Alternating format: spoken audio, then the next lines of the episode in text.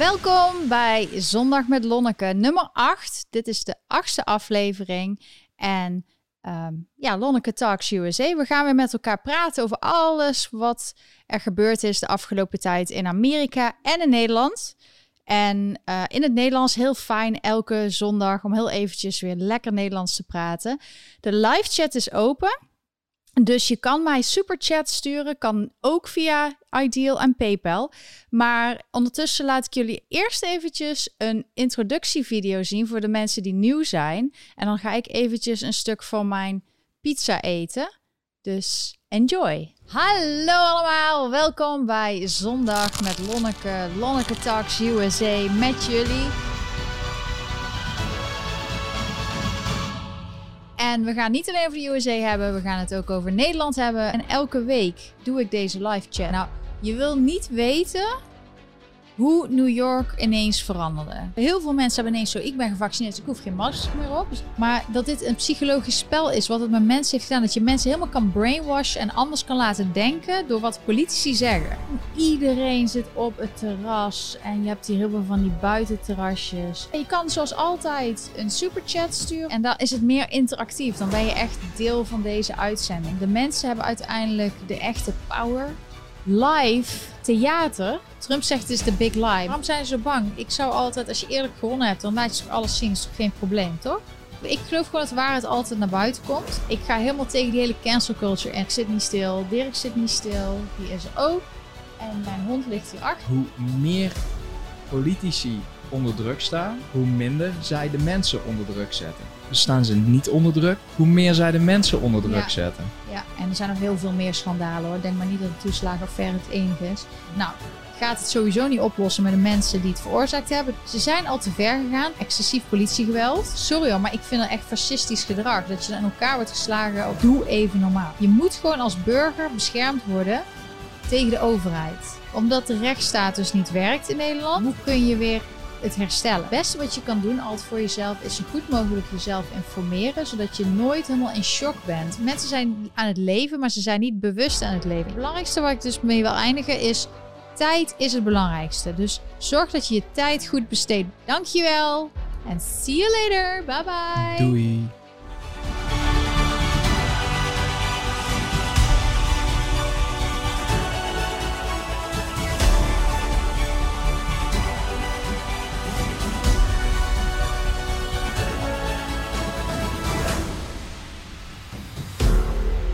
Moet je niet denken, oh, het is nu klaar. Nee. Nou, wat vonden jullie ervan? Dit is dus een video die staat op mijn YouTube, maar ook op andere kanalen. Dan kun je deze delen met vrienden of familie, zodat ze een beetje een idee hebben wat we elke zondag doen.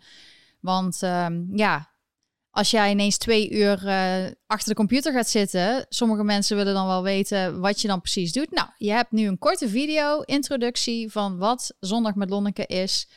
En ehm, misschien dat er meer mensen dan ook komen kijken of meechatten is altijd leuk. Is een beetje een uitleg. Dus ik wil het ook op Instagram en zo zetten. Maar ja, die hadden echt heel raar dat de video rare dingen ging doen. Dus ik moet alles nog uitzoeken.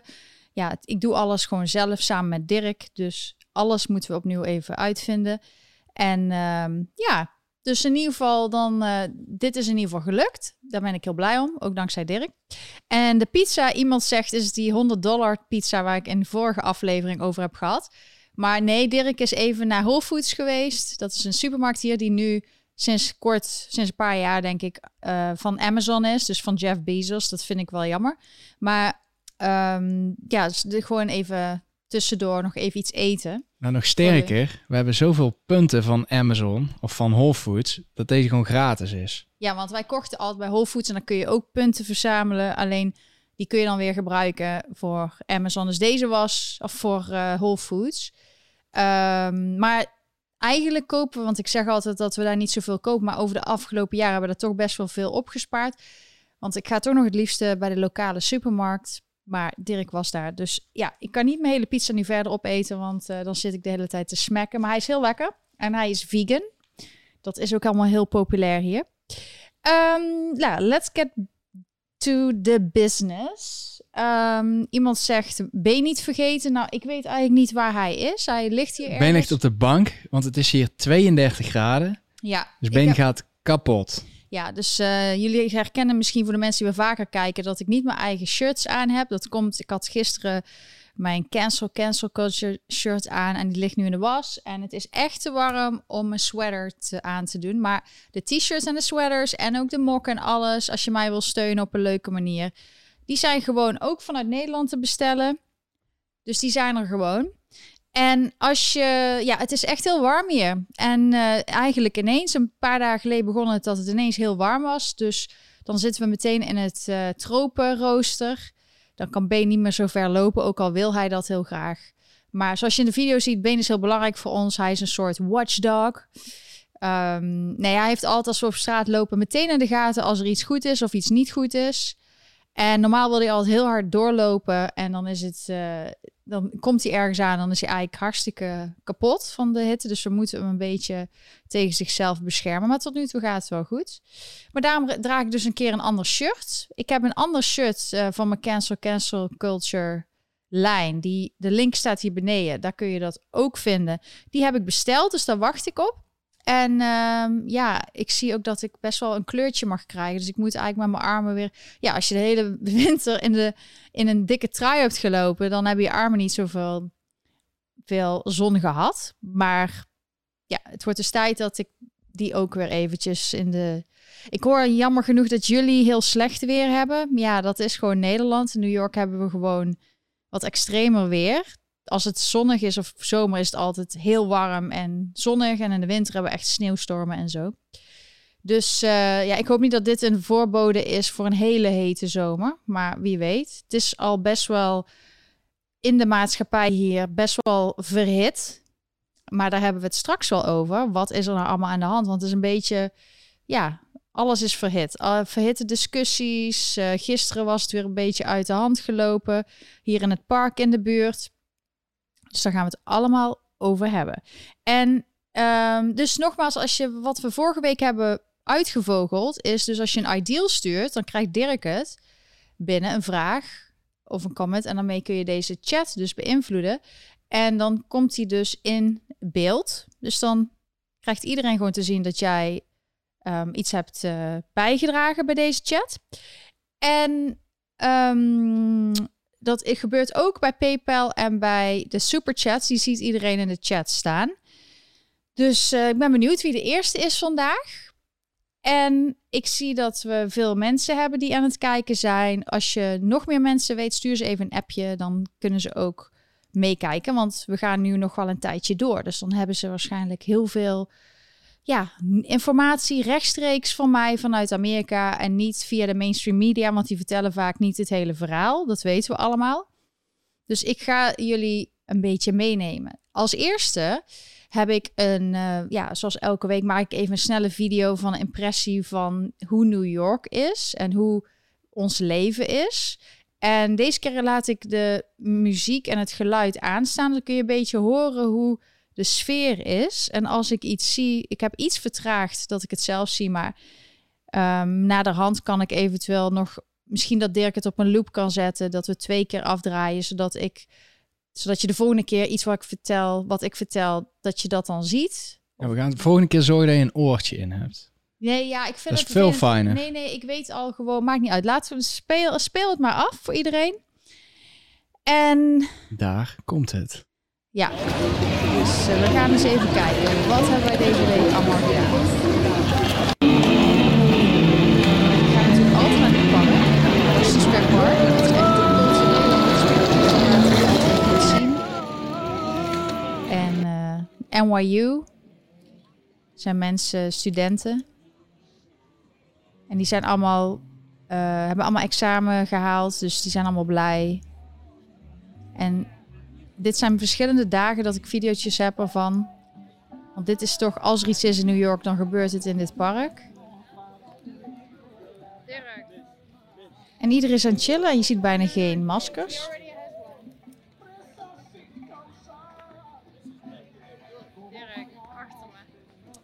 En er is, uh, zoals je hoort, muziek, mensen aan het dansen. Dat is allemaal Dirk. Dirk.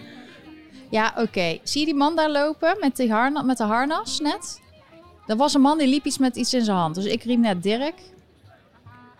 En dat was omdat zo'n man naar me toe kwam en die had iets gestolen. En die, en die zag dat ik een hond had. En die vroeg, wil je dit hondenharnas hebben? Wil je dit kopen voor mij? Nee, natuurlijk wil ik dat niet. Mijn hond heeft al een harnas. Maar die komen dus allemaal dat soort mensen die allemaal dingen die van de vrachtwagen gevallen zijn. Die komen ze dan ineens zo aanbieden. Dat is ook iets wat nieuw is. Dat was vroeger minder. Alleen op Canal Street bijvoorbeeld. Nou, die vrouwen die wilden niet op die cirkel die er op de grond was lopen, want dat was een bad luck spot. Dus mensen geloofden echt, als je met een krijtje op een grond zei bad luck, dan geloven ze echt dat, ze dat, dan, dat je daar niet overheen mag lopen.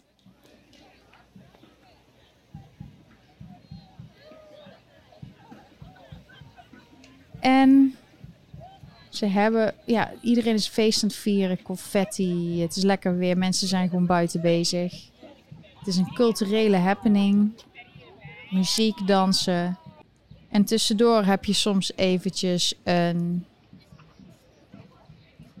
Iemand die niet heel... Ja, mensen die eigenlijk hulp moeten hebben.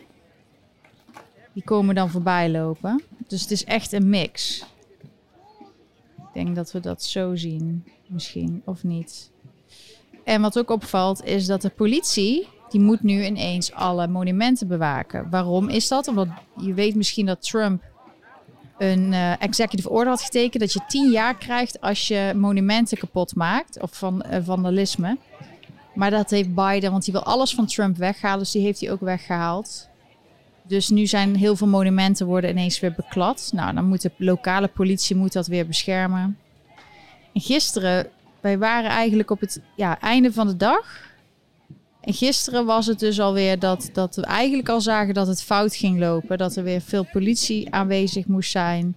Dat het te druk werd in het park. Dat er te veel overlast was. En het is heel grappig eigenlijk dat de lokale bewoners die zeuren over overlast. Terwijl dat vaak de mensen zijn die dus voor die hele democratische policies hebben gekozen. Waardoor er dus zoveel overlast is. Nou, dat zijn de NYU-professoren Ja, die daar dus- rond het park wonen, die juist die anarchie promoten Ja, en dan gaan lopen zeuren. en dit zou moet je even luisteren, denk ik.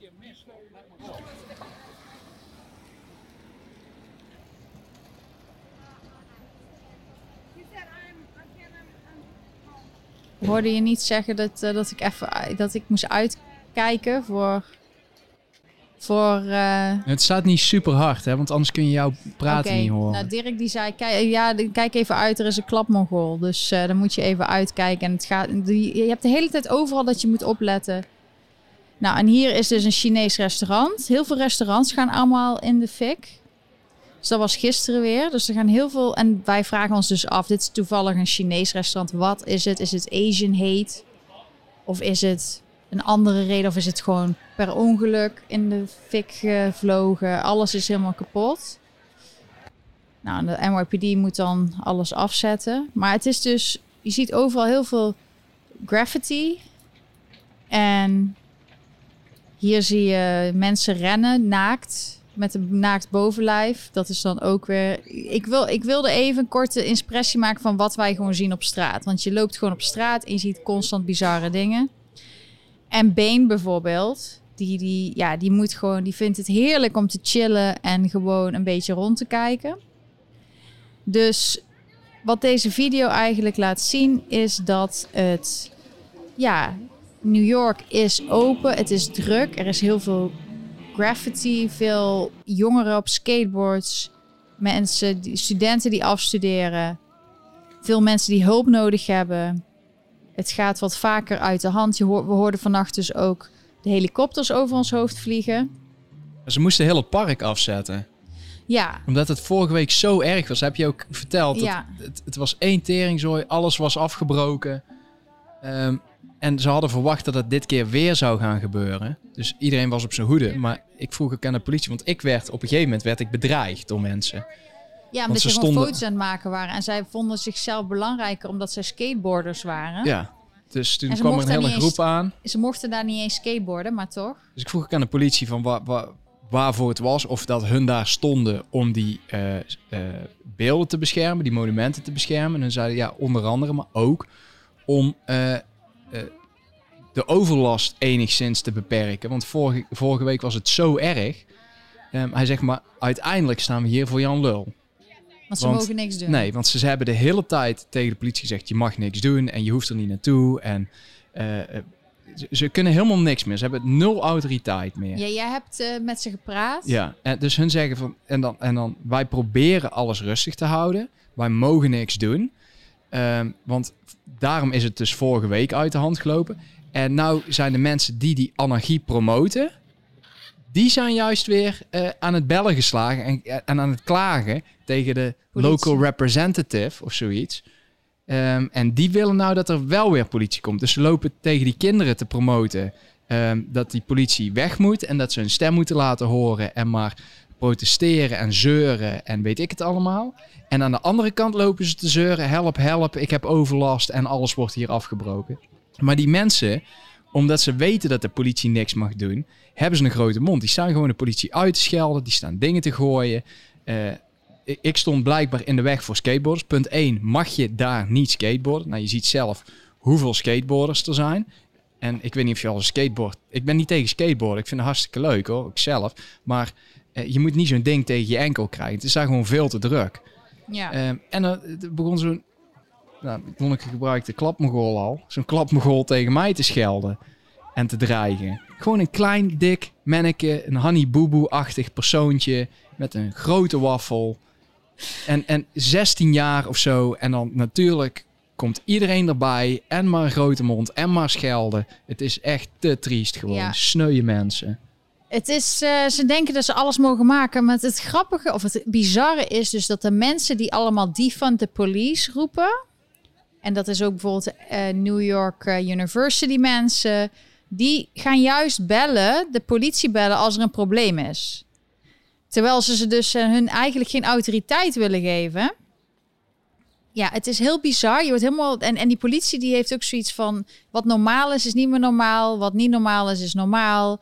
We kunnen. Je moet voorstellen, twee jaar geleden was de NYPD was echt New York's finest. Was gewoon de, de beste. Iedereen had respect voor de politie. Iedereen ze verkocht ook heel veel van die NYPD kleding en patches en zo.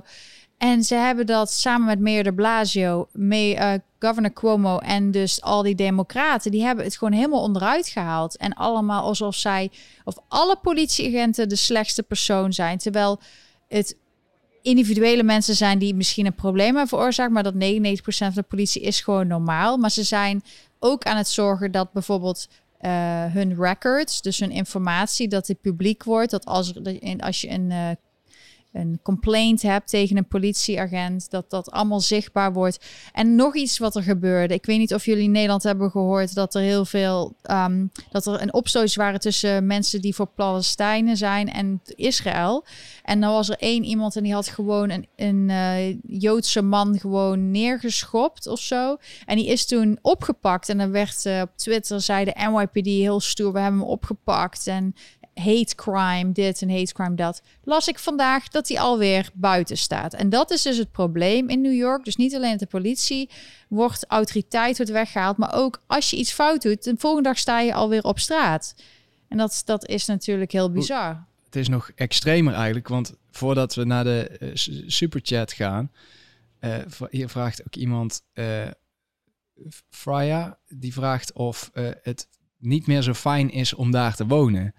En ik heb er eigenlijk nooit zo'n last van gehad, maar de laatste weken loopt het gewoon heel erg uit de hand. Want maandag was ik de koelkast buiten aan het zetten voor de recycling. Ja, en toen kwam er dus een... En er komt gewoon, een, de- de- gewoon voor mijn neus komen mensen die net een gewapende overval hebben gepleegd. Volgens mij was het bij Ralph Lauren. Ik kon niet zien uit wen- welke winkel, want ik hoorde geschreeuw. En toen kwam er vier man mijn richting oprennen. Maar ik had net de hendel van de koelkast nog vast. Dus ik denk dat het er een beetje dreigend uitzag. En die deed ik ook omhoog, omdat ik, ik schrok me helemaal kapot. En toen schoten ze naar de overkant van de straat en dan renden ze weg. En een vijfde die het coördineerde, die geen eh, eh, kleding vast had, die liep er achteraan. Die raakte gelukkig ook die groep nog kwijt, want die wist niet waarom ze ineens de andere kant op gingen. Ehm, maar daar wordt niet eens meer melding van gemaakt bij de politie, omdat het een, een het waren donkere jongens, kunnen we, kunnen we allemaal doekjes omwinden, maar dat was gewoon een feit. En het is zo erg dat zo, zo'n winkel geen melding meer durft te doen, omdat ze anders naast die overval ook nog een hoop negatieve publiciteit krijgen om de et- etniciteit van de personen. Maar aan de andere kant zijn er ook heel veel eh, mensen van kleur die gewoon hier shoppen. En als ik zie de mensen die hier winkelen in de buurt bij de dure winkels, dan zou je niet zeggen dat de African American mensen het zwaar hebben, want die shoppen het meeste van iedereen. Dus ja, dan denk ik van die zijn toch succesvol. Nou, leuk Ja, die hebben er ze. zelf ook het meeste last van. Want die zijn er zelf ook nog het meest boos om dat dit, deze dingen gebeuren. Ja, want Dus- jij praat, eh, de laatste tijd heb je heel veel gepraat ook met eh, mensen die hier werken, security guards en zo. En die, ja, die zijn zelfs, die schamen zichzelf ook eigenlijk wel voor die hele Black Lives Matter movement. Die vinden het gewoon helemaal niet oké. Dus die heb je ook, maar dat hoor je waarschijnlijk niet in de mainstream media. Daarom zeggen wij het, van dat is hoe wij het ervaren. En je ziet ook dat de, dat de support voor Black Lives Matter, die was even heel hoog vorig jaar. En die is nu echt aan het aftakelen. Er is zo'n overzicht van.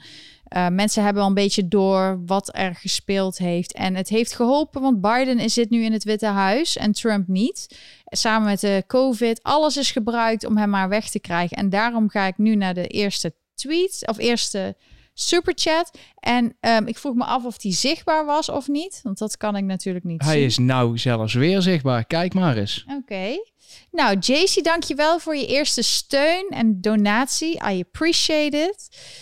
Je zegt, vandaag zijn mijn kennis, je bent een Trumpist. Hij zei, na vijf jaar zal je zeggen, hij was de gevaarlijkste man op aarde en heel slecht voor de wereld. Zeer gevaarlijk. Hij zei, Trump is een gevaar. Ja, dat zijn heel veel mensen die dat zeggen. En ik vraag me af waar ze dat op baseren.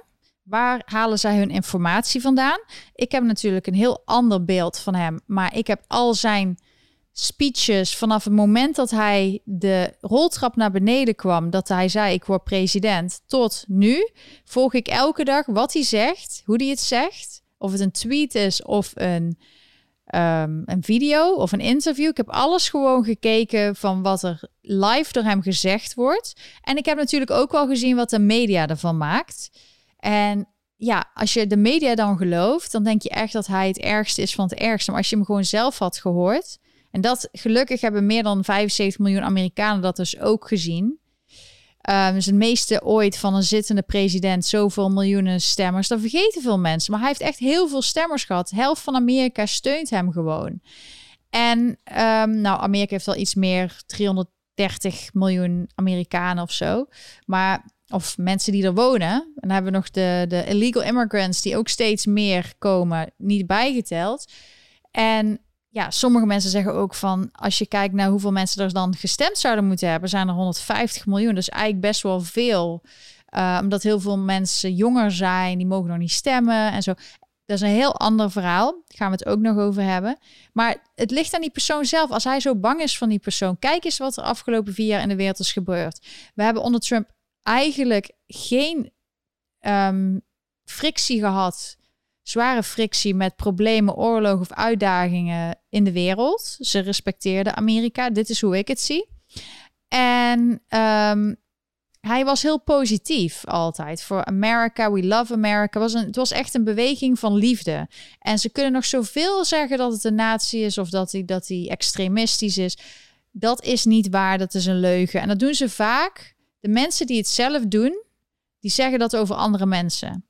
En als je altijd maar negatief dit en negatief dat, dan sommige mensen zijn er gevoelig voor. Die zijn helemaal dan gebrainwashed. Maar als je gewoon alles live zelf hebt gevolgd en het is heel moeilijk om na vijf jaar, als, ik heb dat dus vijf jaar gedaan, als je dan alles met terugwerkende kracht moet gaan volgen, want dan zie je gewoon hoe precies verhalen werden omgezet. Of het nu bijvoorbeeld de Bleekwatergate was, dat mensen zeiden je moet dat inspuiten. Heeft hij nooit gezegd. Hij heeft nooit bleekwater genoemd. En ik kan dat wel uitleggen hoe dat is gegaan en wat de media. Er is één journalist die heeft dat ervan gemaakt. Um, bleekwater en um, niet Trump. Om, maar als je het dan uitlegt, dan is het heel logisch. En als je die hele video en de hele interview en de hele persconferentie waarin dat gezegd werd zou zien, dan, dan snap je wat er bedoeld wordt. En dat heeft, um, ja, veel mensen hebben daar geen tijd voor, geen energie. Dus dan snap ik dat je, als je de media gelooft en je gelooft echt dat de NOS en dat soort kanalen, dat die de waarheid zeggen. Het is allemaal een mening. Elke journalist is een mening. Zelfs als ik iets maak, is het mijn mening. Ik zeg Ja, maar zo is eerlijk. het nu. Vroeger was het gewoon vertellen wat er gebeurde. Ja, En nu is het gewoon continu mening geven. activisme. Maar als dan zelfs de Washington Post de mening geeft van Obama eh omarmde eindeloze oorlogen, Biden zal dit waarschijnlijk ook doen. Kijk, er staat niet heel netjes van eh, dat Trump dat niet gedaan heeft. Die wordt hier uitgelaten. Eh, maar als, je, dit is het enige wat je aan die mensen die lopen zeuren hoeft te laten zien. Hoeveel oorlogen heeft Obama gestart? Hoeveel oorlogen heeft Trump gestart? Bush, Clinton, Biden, waar die alweer mee bezig is. Dat, uiteindelijk zegt dat genoeg. Trump heeft zich gewoon heel erg op eh, Amerika gefocust. Die heeft heel veel heilige huisjes omgeschopt. Nou, die heeft... eh, de, de, de ergste oorlog die hij heeft gestart is een trade war. Ja, die wil- eigenlijk alleen maar positieve dingen Ja. voor Amerika heeft opgeleverd. Minder, minder uitstoot, minder vervuiling ja. betere positie voor Amerikaanse bedrijven. En in één keer alles, alles afgebroken. En hop, we gaan weer andere landen invallen. Helemaal gek geworden. Als je namelijk minder importeert, heb je ook minder vervuiling. Want die, die schepen die alles vervoeren, dat is echt een van de grootste vervuilers. Dus als je alles lokaal maakt en alles in Amerika houdt, heb je ook minder vervuiling. Dus onder Trump zijn, is ook die vervuiling blijkbaar minder geworden. Maar daar hoor je mensen niet over. Maar als je het echt over duurzaam hebt en over duurzaamheid hebt en over betere natuur en alles. Dat heeft hij wel gedaan. Maar in ieder geval, alles van hem moet weggehaald worden. Al zijn legacies. Hij wilde een tuin maken met alle grote, met beelden van Amerikanen waar iedereen trots op is. Van Rosa Parks naar Muhammad Ali. Ehm, bij Kobe Bryant zat er volgens mij in. Nou, Biden heeft dat ook weer weggehaald. Want je mag niet Amerika vereren of de grote helden vereren. Uh, want alles moet gewoon kapot. De hele historie moet kapot. We moeten niks herinneren van de verleden. En ik denk dat Trump was zo iemand van mensen bij elkaar brengen en die echt het van Amerika houden. En als hij bijvoorbeeld ergens naartoe ging, bijvoorbeeld naar de, wat was het, NASCAR iets, dan wist hij, ik kan gewoon aankomen en hoor je zeggen. Maar hij kwam dan met zijn met de Air Force One overvliegen en een flyby doen. En dan iedereen, wow, weet je wel, president Trump. En daardoor kwam dat bloed van dat trotse van Amerika zijn. Dat werd juist aangewakt. Maar dat mag in deze globaliserende tijd met mensen waarbij ze één wereldmacht willen. Dat mag niet. Je mag niet als land trots zijn op je eigen land. Je ziet dat ook in Nederland, je ziet het in andere landen. Dit is gewoon feitelijk. Dus zo'n tuin met al die beelden mag niet. Terwijl het ook heel veel mensen zijn die belangrijk zijn geweest voor de emancipatie of tegen de racisme, um, de Civil Rights Acts en zo. Dus Trump was daar juist om die te vereren, maar dat mag niet. En ja, het enige wat je tegen die mensen. Je, ik zou niet mee in discussie gaan, gewoon zeggen: ik heb een andere mening. Maar je merkt heel goed, ik bedoel, ik had het gisteren in mijn Engelse live chat er ook over, dat mijn Wikipedia bijvoorbeeld, er staan gewoon wat dingen in die niet waar zijn. Er staat bijvoorbeeld in het Engels dat ik echt een uh, staunch conservative ben. Nou, ik weet niet wie dat erbij heeft geschreven, maar dat heb ik niet gedaan. En ik ben juist op sommige vlakken heel progressief. Alleen, dat is gewoon, ze willen gewoon bepaalde mensen in hokjes duwen. Maar je ziet het ook bij andere Wikipedia. Alles waar ik denk, waar ik denk van mensen die ik interessant vind of waarvan ik denk, wow, die maken echt een positieve verschil voor de mensen. Maar het was eerst nog erger, hè? want er stond eerst nog iets dat je een of ander argument had met een ander model. Omdat, ja. Terwijl zij jou eigenlijk aanviel. Ja, dus ja. dan gaan ze ook niet, ze kijken er ook niet naar. Ze pikken er gewoon uit wat goed wat is. om iemand weg te zetten. Maar ook bijvoorbeeld, ik ben op Gap. Nou, dan heb je ook mensen die geloven dan wat er op Wikipedia staat. Terwijl Gap had dus zelf een, dat is een social media pagina. Die had zelf een heel um, een podcast gemaakt, die founder. En die zeggen gewoon dat de Wikipedia heeft gewoon iemand fulltime op die pagina zitten. Dus elke als zij het willen corrigeren, dan is er weer iemand die zegt nazi, nazi, nazi. Terwijl ik zelf, mijn ervaring op Gap is gewoon heel positief. Ik vind het een fijn platform. Ik zet er gewoon mijn dingen op die ik doe. En de reacties zijn altijd heel leuk. Dus ik heb niks negatiefs daar. En op Twitter heb ik dat wel gehad. Maar Twitter is natuurlijk perfect. En daar is alles goed. En bij dat... Gap hebben ze er gewoon alles in gegooid, hè? Alles, ja. Far right. Extremist. Neonazi, extremist, white supremacist, nationalist, QAnon, alt-right. Gewoon alles. Ja, terwijl het gewoon een christ... Het is opgezet door een... Niet te vergeten, antisemitisch. Doet het ook heel goed, altijd. Ja. ja. Eh, nee, het is gewoon opgezet door mensen die dus van het christelijk geloof zijn. Die geloven in family values, community, goed voor elkaar zijn, goed voor je neighbor zijn. Ik weet niet, een tijdje geleden heb ik zelfs verteld over een vrouw die een artikel had geschreven van mijn buurman is een Trump supporter, maar hij maakt wel altijd heel netjes mijn driveway schoon. Wat moet ik nu doen? Uh, dat is juist heel veel Trump supporters zijn Amerikanen en die heel erg zo die values hebben van be good uh, to your neighbor. Um, en ja, goed voor je community en zo. Dat is gewoon een American value. En ik vind dat zelf ook heel fijn. Dus eigenlijk wordt er dus gezegd dat als jij gewoon christelijke waarden hebt en dat een platform hebt en je wil onafhankelijk zijn, ze hebben hun eigen servers, ze kunnen het niet zomaar uitzetten zoals ze bij anderen hebben geprobeerd, zoals bij Parler dan uh, moet je kapot. En in Nederland zie je dat ook. Het, ze proberen het elke keer met Thierry Baudet. Ze maar je krijgt het ook niet zomaar weg. Want ik heb ook een paar keer dingen die, die daar fout in staan, die heb ik netjes aan willen passen. Zodat het gewoon weer kloppend is. En dan staat het heel eventjes goed. En dan uh, wordt het weer uh, aangepast.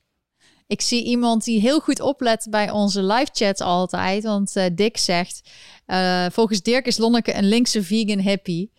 En zo, zo, begon het. Het is langzaam maar zeker. Je. Ja.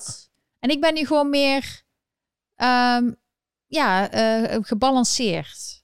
Dus hoe ouder je wordt en je let gewoon goed op en je leert en je elke dag leer je nieuwe dingen, dan kun je jezelf ontwikkelen. En, uh, maar ik kan dus wel bijvoorbeeld die kant heel goed begrijpen, maar ik begrijp ook de andere kant.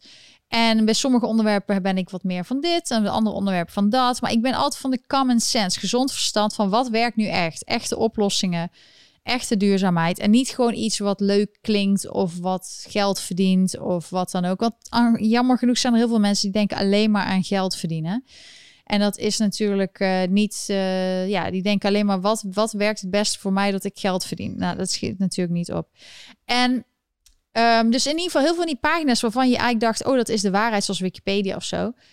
Die kun je niet helemaal geloven. En ook, je hebt nu iets nieuws. Heel veel mensen hebben door dat er erg veel propaganda is op tv. En dat er niet meer goed werkt. Dus wat hebben die pagina's die denken, wat moeten we nu doen? Wat moeten we nu doen om mensen toch die propaganda, dat ze de in te indoctrineren? Wat kunnen we doen? Weet je wat we gaan doen? We gaan fact-checkers installeren. Dus als iemand iets deelt, dan heeft iemand het gefactcheckt. Maar als je dan gaat kijken wie die factcheckers zijn, dan zijn het vaak mensen met een agenda. Maar het is gewoon een nieuwe soort propaganda, want de originele propaganda, veel mensen geloven dat niet meer. Die denken voor zichzelf. Dus dan moeten we nu de factcheckers doen. Nee, nee, nee. Nergens van is heel makkelijk doorheen te prikken. Want altijd als uh, het feitelijk juist is, dan zeggen die factcheckers: it's partly true. Het, het is gedeeltelijk waar en dan weet je, dan kun je er de donder op zeggen dat ze zich in allerlei bochten eh, hebben proberen te wringen om er iets zinnigs van te maken, wat juist wel in hun straatje past, maar het is één grote onzin bedoeling. Ja. En nog even terugkomen op JC, op jouw superchat. Ook andere mensen, als je iets wil waar ik iets over praat, stuur superchat net als JC. Dan ga ik jouw vragen ook uitgebreid behandelen. Maar als je dus iemand hebt dus die dus zoiets zegt en dan weet je eigenlijk al dat ze met een vooroordeel naar je toe gaan en dat ze in een angst leven. Angst is een slechte raadgever. Dan maak je verkeerde beslissingen. Dat zie je in andere situaties die nu bestaan ook. En je moet gewoon eigenlijk denken van zouden ze als iemand eh, fan is van Obama, zouden ze dan zo reageren? En nee, want dat is een volgens de mensen een goed persoon, terwijl hij ook heel veel oorlogen heeft begonnen, zoals jij goed weet. En Um, maar dat is dan de good guy. En ik heb altijd zoiets als iemand iemand heel erg aan het promoten is, want dit is goed. Dan ben ik altijd een beetje achterdochtig. En als ze iemand helemaal kapot probeert te maken, dan denk ik, hmm, dat zal wel iets. dan ben ik juist geïnteresseerd. Dan denk ik van, wat is de reden dat ze hem proberen kapot te maken? Het is vaak ook mannen, maar ook net zo goed vrouwen. Je ziet dat in Nederland, het is gelukt bij Fortuin. Het is half gelukt bij um, uh, Geert Wilders. En ze proberen het nu ook bij Thierry Baudet. Sommige mensen die proberen ook weer mensen aan het twijfelen te krijgen van het is controlled opposition. Dat zeggen ze ook bij Trump. Nou, dat is mijn mening is, je moet altijd bij jezelf blijven. Um, je steunt gewoon de mensen die de juiste stappen maken waar jij achter staat. En als jij er niet meer achter staat, zeg je dat ook. Daarom moet je niet iemand helemaal idoliseren. Zeg je dat idoliseren? Ehm, je moet altijd gewoon proberen met gezond verstand ernaar te kijken. Want soms vind ik tweets van Trump ook, denk ik, waarom stuur je dit? Ik vind het niet zo erg dat hij geband moet worden, maar want als je ziet wat andere wereldleiders die echt zware dingen op hun naam hebben staan, die mogen gewoon nog op Twitter. Maar ja, soms denk je, waarom zou hij dit zeggen? Waarom gaat hij een gevecht aan met een iemand, een Rosie O'Donnell of Chrissy Teigen of zo? Maar ja, hij is een persoon en niemand is perfect. Dus dat kun je gewoon zeggen. Maar dat betekent niet dat je de rest stom vindt en andersom ook niet. Je kan niet, het is niet zo omdat je Trump steunt dat je alles van hem goed vindt. Nee, je, steunt gewoon zijn policies of je vindt dat hij goed werk heeft gedaan. En als je, de, de tijd ook van dat je idolaat bent van een bekend iemand is helemaal weg aan het gaan. Hollywood weet het zelf misschien nog niet helemaal. De, de, sporthelden weten het ook misschien nog niet helemaal. Maar je ziet dat er nu ontzettend veel shows, zoals de Oscars en de Vanity Fair, de, uh, zeg dat, de Emmys en zo, die crashen. Die ratings, die tv-ratings, ze gaan allemaal zwaar omlaag.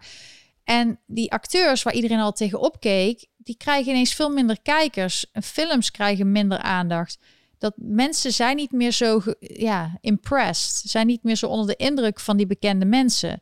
En dat was altijd de manier ook om propaganda over te brengen. Ook shows, tv-shows, wordt heel veel propaganda gebracht bij mensen.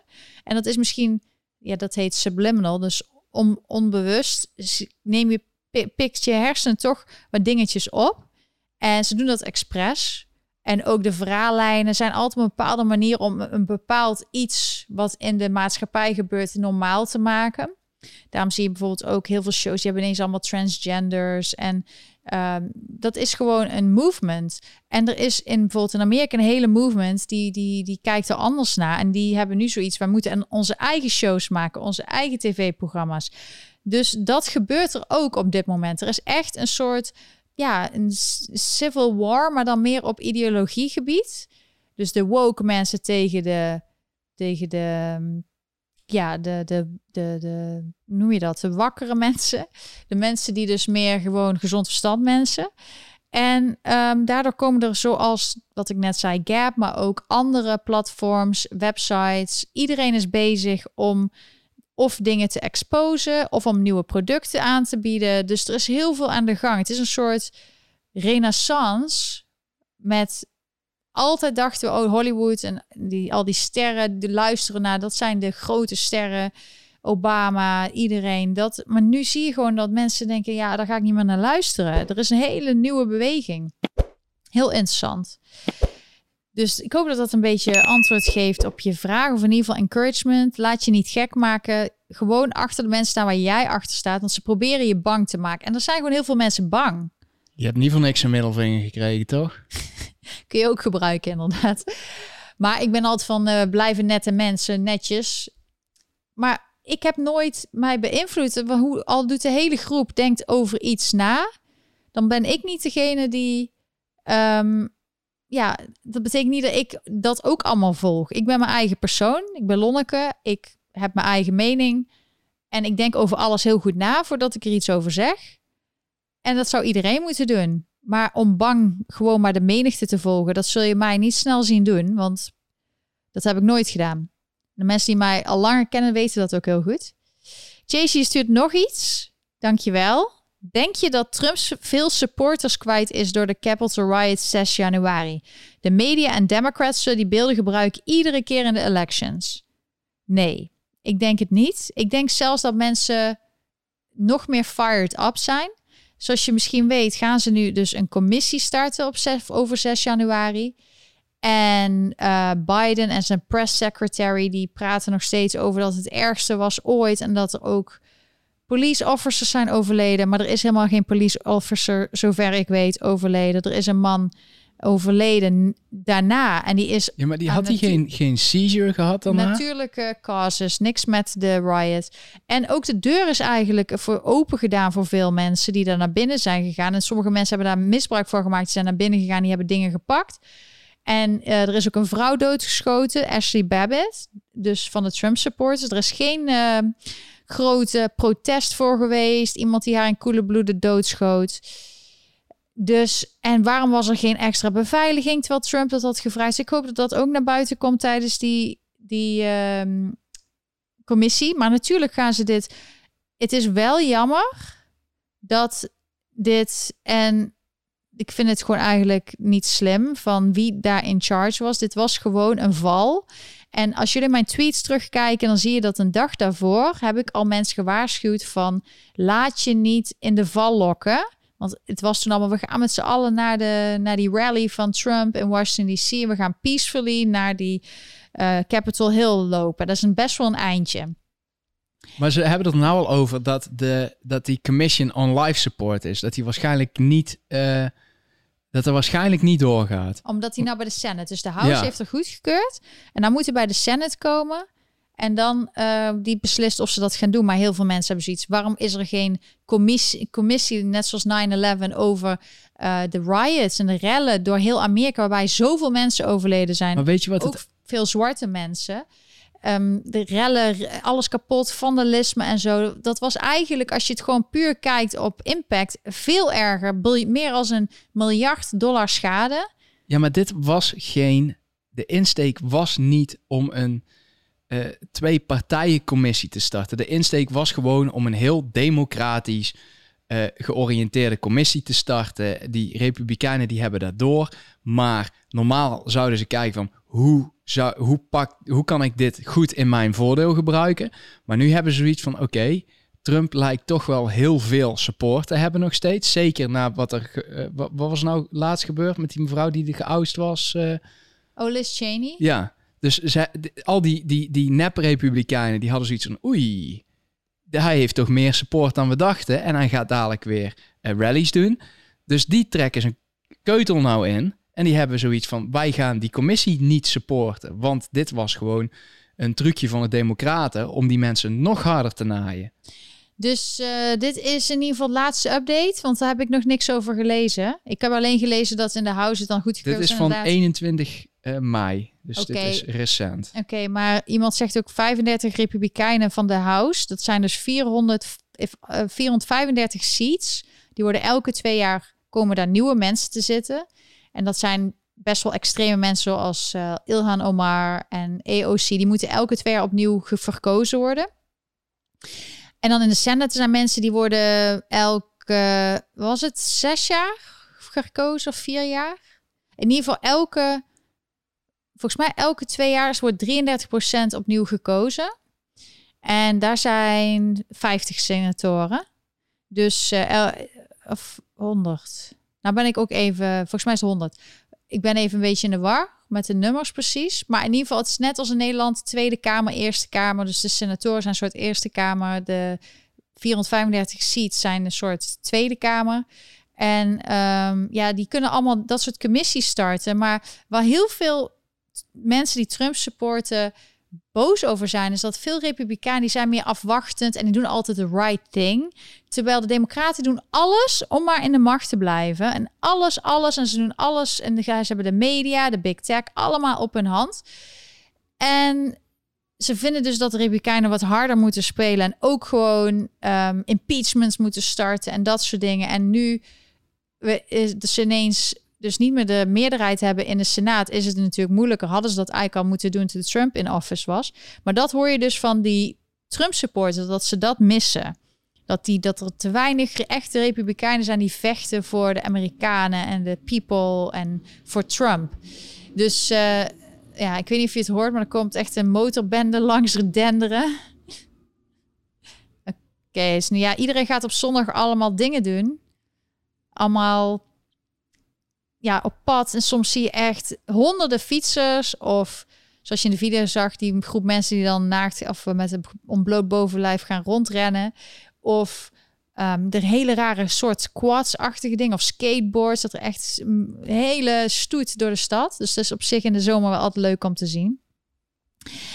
Um, dus ik denk niet dat hij. Uh, ik denk juist dat heel veel mensen wakker worden en zien wat er gebeurt. Waarom mensen die vooral in buurten hebben gezeten waar heel veel overlast was, heel veel kapot is gemaakt, rellen.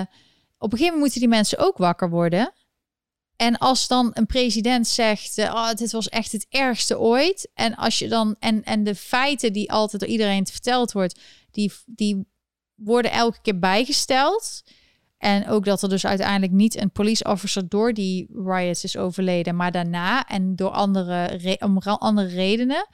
En dat het raar is dat, dat terwijl er vraag was van Trump en anderen om een meer politie inzet te doen, dat ehm, wat mensen zeggen, burgemeester Bowser van Washington DC en Nancy Pelosi nee hebben gezegd en dat niet hebben gedaan.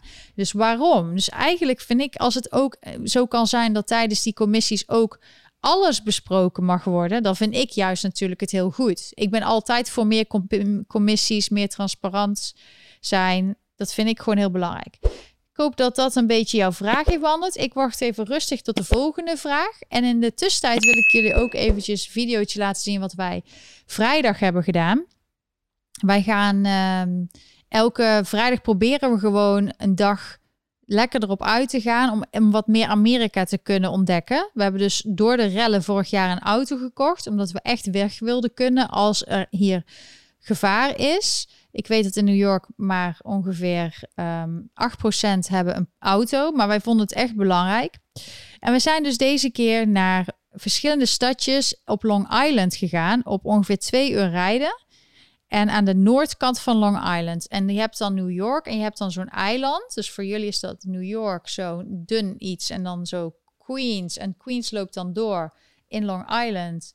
In uiteindelijk de Hamptons. Helemaal het puntje. En dan heb je dus North Shore en de South Shore. En wij zijn via de North Shore gegaan naar Northport bijvoorbeeld. En dat zijn allemaal kleine oude stadjes met historie. En volgens mij hebben ze daar ook, dat zie je dadelijk wel, een kartbaan gehad of een metrootje, iets of zo. Nou, Been vindt het ook helemaal geweldig. En iemand zei, je valt weg, maar ik ben er weer volgens mij. En dit is allemaal aan het water en het was heerlijk weer. En op een vrijdag is het nog niet zo druk. En ehm, ja, dan gaan we gewoon bij de lokale mensen gaan we lekker eten halen. We gaan rondwandelen, winkeltjes kijken, sightseeing. Ik hou heel erg van dagtripjes. Misschien is dat omdat ik ouder word, maar ik vind gewoon, het is altijd leuk om gewoon een dagje weg en gewoon wat niet te veel kost, gewoon bij je in de buurt. Of, want heel, ook in Nederland, in, ga eens een keer naar een ander dorp, naar het centrum. Het is altijd interessant om, uh, je wil altijd heel ver weg vliegen en op vakantie, maar de leukste vakanties in mijn ervaring is altijd uh, dicht bij huis. Nou, dit is dus een klein uh, ja, vissersplaatsje. En er lekker lacht in de zon. Nu zijn we bij een ander plaatsje. Dus net hadden we Noordpoort. Dit is Stony Brook. En Stony Brook is echt historisch. Ik denk dat er ook heel veel vanuit oud-Nederlands is. Oude huisjes. Ik denk dat dit misschien, ik weet niet hoeveel honderden jaren oud deze, deze wijk of dit kleine dorpje is. Maar dit is een heel klein centrumpje met een heel schattig postkantoortje en kleine winkeltjes. En ja, daar wilden we ook even. Dus daar gingen we eventjes uh, ook even uit alles checken. En daarna zijn we ook nog langs verschillende kadeplaatsen geweest of aan het water en parken. Dit is dan weer nog iets verder bij Port Jefferson. En daar heb je een eh, pont die je van, de, van Port Jefferson naar Connecticut, dus de andere staat, brengt bij Bridgeport. Dus dan kun je, hoef je niet helemaal zo te rijden, of voor jullie uh, zo. Maar dan kun je gewoon zo, over het water. Kun je gewoon over het water. En het is gewoon daar heel mooi. En mensen waren lekker aan het genieten van het mooie weer, gewoon aan het water. Allemaal verschillende, ja, hoe noem je dat? Um, havenplaatjes. En daar, met heel veel historie. Dus ik zeg altijd tegen mensen, kom je ooit een keer naar New York? Huur een auto voor een dag. Het is het echt waard. Ik zal een keer een video maken met mijn favoriete stadjes om naartoe te gaan. Maar het is het sowieso waard om een compleet beeld van New York te krijgen. Zeker als je uh, de, gewoon in de stad een auto huurt en je rijdt dan door Brooklyn, Queens en zo. Om, om te kijken waar de echte mensen wonen eigenlijk.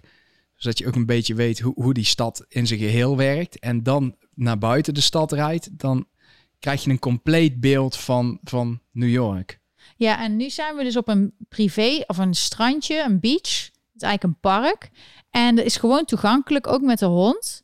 Nou, wij gaan altijd dingen doen net buiten het seizoen, maar dat het wel lekker weer is. Dus het was super lekker weer. Maar dit was op een puntje. Ja, een, eh, wat was het? Een, het was geen schiereiland. Een soort schiereiland Ja. was het eigenlijk. En eh, de, de toegangswegen, zeg maar, na dit dorp.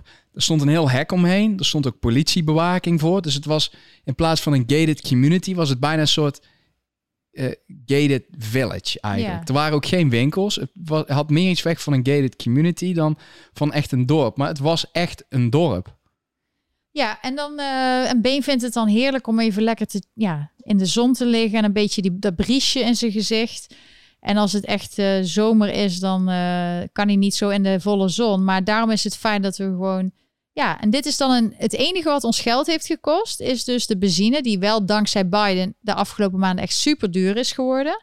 Maar nog steeds is dat wel goedkoper als in Nederland. Ik zal het eerlijk zeggen. Maar, en eh, we hebben wat eten gehaald. En we zijn daarna ook gaan barbecuen bij vrienden. Dus eh, die daar in de buurt wonen. En gewoon vooral focus op groenten. Dus dan is het ook niet, want iedereen koopt altijd heel veel vlees. Maar dat is juist dan vaak heel duur. Maar als je het focust op groenten. En ik had ook wat eh, korte beelden. Ik zag bijvoorbeeld iets van eh, Dutch Girl. Nou, dat vind ik al grappig. Eh, een, een winkeltje. En er was een School of Rock. En ik zag een soort mooi huis, witte huisachtig. Dus ik denk, ik doe dat allemaal kort even filmen. Gewoon een impressie. En we hebben toen lekker gegeten met been en, en eh, vrienden. En ik had koolsla gemaakt. Dus ik ga misschien ook eens wat vaker wat recepten delen. Heel makkelijk. Gewoon gegrilde groenten. Echt zo. Het ziet er misschien niet zo mooi uit, maar het was zo lekker. En we hadden heel lekker een kippetje ge- gebraden. En dan zie je hier gewoon, dit is de prijs van de benzine op dit moment. Dus wij pakken altijd de middelste, toch? Want hoe moet je dit vergelijken met de Nederlandse Gewoon met de drie gradaties, eh, hoe heet het, octaangehaltes. En 95, nee, ja, alleen hier heb je, 98. eh, hier is alles net ietsje viezer, zeg maar. Ja, dus de, de, de olie en de ding, of zeg dat de gas is gewoon wat viezer. Maar ze gooien hier nu overal 10% ethanol in. En dat is gewoon niet goed voor je. Voor je ehm, Voor de slangen en de plastic onder de rubber en plastic onderdelen van je auto. ja, dus maar da- daar kunnen we niet onderuit. Dus onze auto, we weten gewoon dat onze auto wordt ja, kapot gemaakt. Ja, en been, echt kinderen houden echt van been. Die krijgt zoveel aandacht altijd, zo schattig. Dus ehm, ja, ik doe altijd videootjes twee keer afspelen, zodat ik nog wat dingen kan bespreken erover. Maar ik vind het ook heerlijk om in mijn eigen bed te slapen. Ik doe altijd heel mooie tas klaar. Mijn been is ook een beetje een soort mijn kind. Dus dan heb ik alles klaarstaan voor hem. En dan gaan we op pad. En dan heb ik het vaak zo wel bekeken van hoe kunnen we in een dag terug. Maar we hebben nu eigenlijk best wel veel ontdekt. Dus we moeten nu denk ik de volgende stap is een keer twee dagen weg of een weekje weg. Ik wil gewoon zoveel mogelijk van Amerika zien. En eh, ja, ik vind dat gewoon zelf heel, heel interessant. Ja, maar dat is gewoon nog moeilijk, omdat je als je, zolang wij New Jersey, New York, Connecticut doen, is het oké. Maar als wij naar eh daar buiten willen, dan heb je dus kans dat je eh, tien dagen in quarantaine moet Maar dat gaat over moet een testen. tijdje Ja, dat mag ik toch hopen van wel, want het is echt de grootste onzin die er is. Want als Ja. je dan weer via, als je dus eh, in, in New York moet je testen, in New Jersey hoef je niet te testen. Hoe Maar werkt dat dan als ik via, via New Jersey, New York binnenkom rijden? Het is gewoon allemaal heel raar. Want heel veel mensen vliegen nu. Als je van, bijvoorbeeld van Florida naar New York vliegt, dan moet je testen en dan moet je in quarantaine. Volgens mij hoef je dat niet als je binnenlandse vlucht. Is dat niet meer. Dat was Nee. wel zo, want heel veel mensen vlogen in plaats van op JFK, vlogen ze op eh, Newark. in zodat New ze, Jersey, ja, zodat ze staat. niet hoefden te testen. En dan pakten ze een, een taxi naar de stad. Dus niet met eigen auto. Gewoon bewust een taxi pakken. Eh, en toen was Cuomo, Cuomo die was aan het dreigen. Ja, maar wij gaan checkpoints neerzetten Ja, bij alle invalswegen. Dit was ook toen Trump... eh, 1, 2, 3. Ja, dit was toen Trump president was. Hè. Toen was het allemaal heel serieus en erg. En nu had je van de week dat Dr. Fauci, die kwam niet zo goed uit het nieuws, eh, omdat hij iets met Wuhan. Nu roept hij wel op dat hij, eh, dat hij niet denkt dat het virus eh, ontsnapt is en dat er onderzoek moet komen waar het vandaan komt. Maar hij heeft dus schijnbaar ook ehm, wat, wat Rand Paul, dat is dus een man, een senator, die dus in de Congress zit in Amerika. En die had hem dus ondervraagd en daar kwam dus uit dat hij... eh, hij vroeg naar de banden met de Wuhan eh, Laboratory.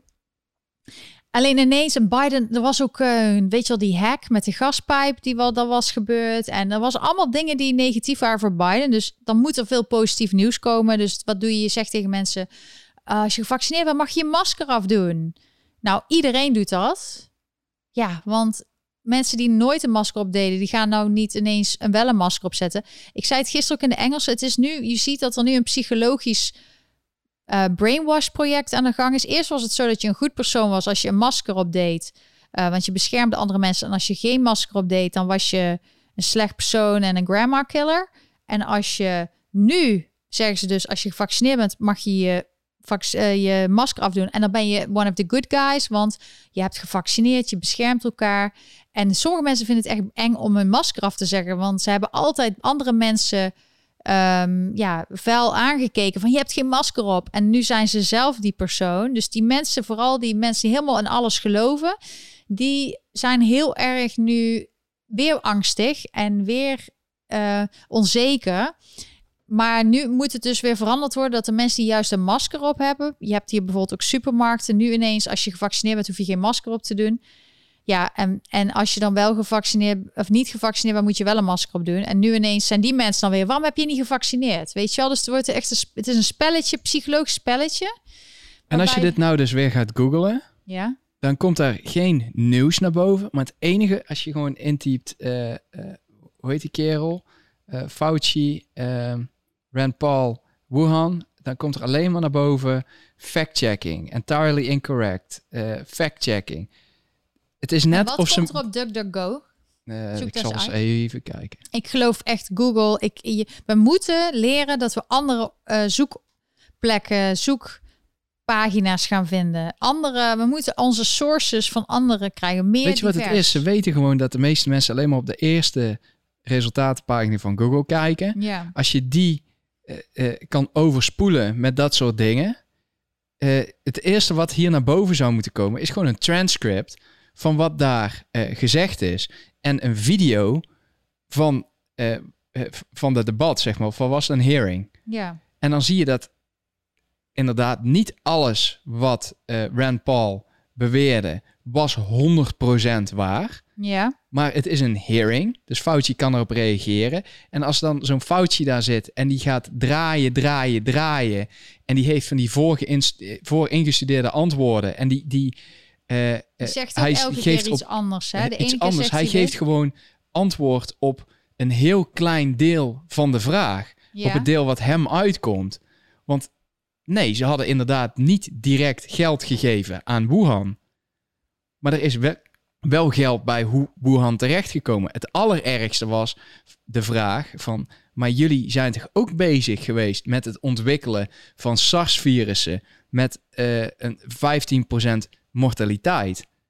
En daar heeft hij geen één keer antwoord op gegeven. Dus dat antwoord is gewoon ja.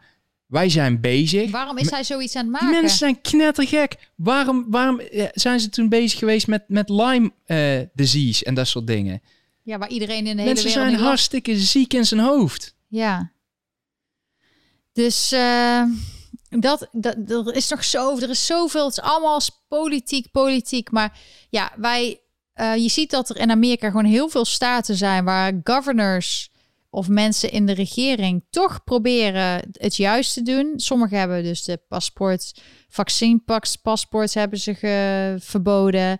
Eh, ze gaan striktere regels doen voor de eh, verkiezingen. Ze gaan Ehm, wat willen ze? Ja, ook dat je niet mag testen. Dat je niet een masker als, als bijvoorbeeld in Florida een bedrijf maskers vraagt. Dat mensen alleen maar masker binnen mogen en ander niet. Dan krijgen ze een boete. Dus ja, er zijn er wel. Er is nog steeds best wel wat. Maar nogmaals, Amerika. eh, Europa is gewoon wat meer al in de ban van de EU en wordt allemaal al geregeld. Amerika heeft nog wat meer, echt wat, nog wat meer vrijheidsstrijders. Dus daar, daarom denk ik dat daar nog het moeilijker is om, om ja, de Amerikanen echt helemaal kapot te maken. Die hebben nog steeds die hele sterke ja, trots op hun land. En we hebben gevochten voor het land en zo. En als ze dat niet meer hebben, dan bestaat Amerika gewoon over 10, 20, 30 jaar niet meer. En ehm, ik zou, jij vertelde toen straks dat Biden allemaal oorlogen misschien gaat verder gaat doen. Maar als jij de military, wat is dit? Dit is, dit is dus de Google-resultaten. Ja, dat wou je. Dus dan zie je fact-check, eh, eh, fact-checking. En dan is het, eh, als je daar verder op gaat, nee, het is niet correct. Entirely and completely incorrect. Nou, dan zie je iets van, nou, heeft hij toch eh, de, de persoon die hier eh, COVID regelt, zeg maar, heeft hij Wuhan gesponsord? Nou, je hebt al twee keer gelezen dat dat absolute onzin is.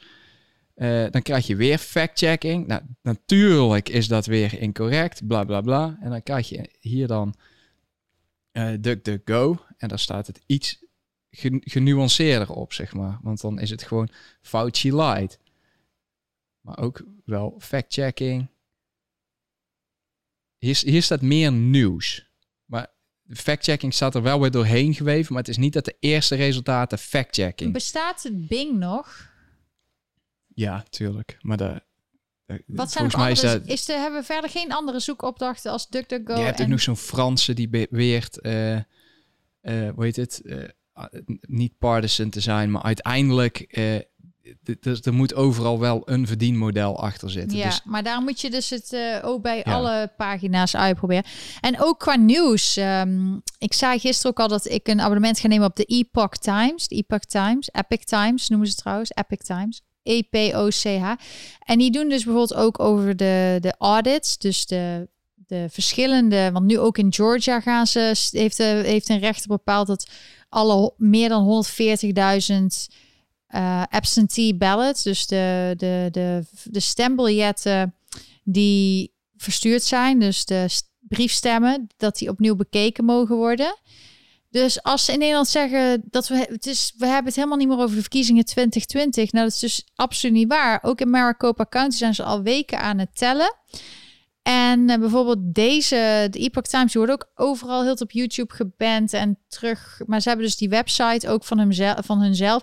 En het is dus een soort krant. En zij proberen dus zelf ehm, ja, de andere kant te belichten. En ook die dingen die eigenlijk belangrijk zijn. Dus bijvoorbeeld dat eh, de onderzoek naar al de, het stemmen in Maricopa County. Wat dus een grote gebied is in New York.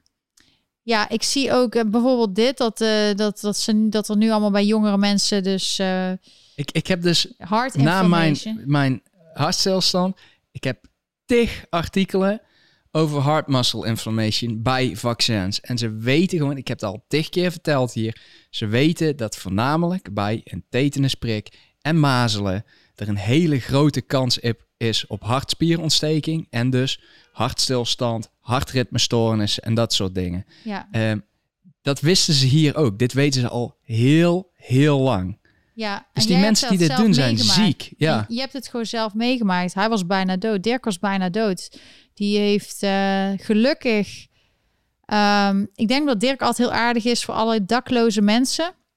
Een dakloze man heeft hem gered. Die heeft zijn telefoon gepakt en 911 gebeld tijdens eh, zijn hartaanval. Of hartstilstand, sorry. En toen stond hij helemaal in de metro onderaan. En eh, ik zei nog toen hij wegging van huis, want hij ging fietsen van doe voorzichtig. Ik had een soort misschien voorgevoel.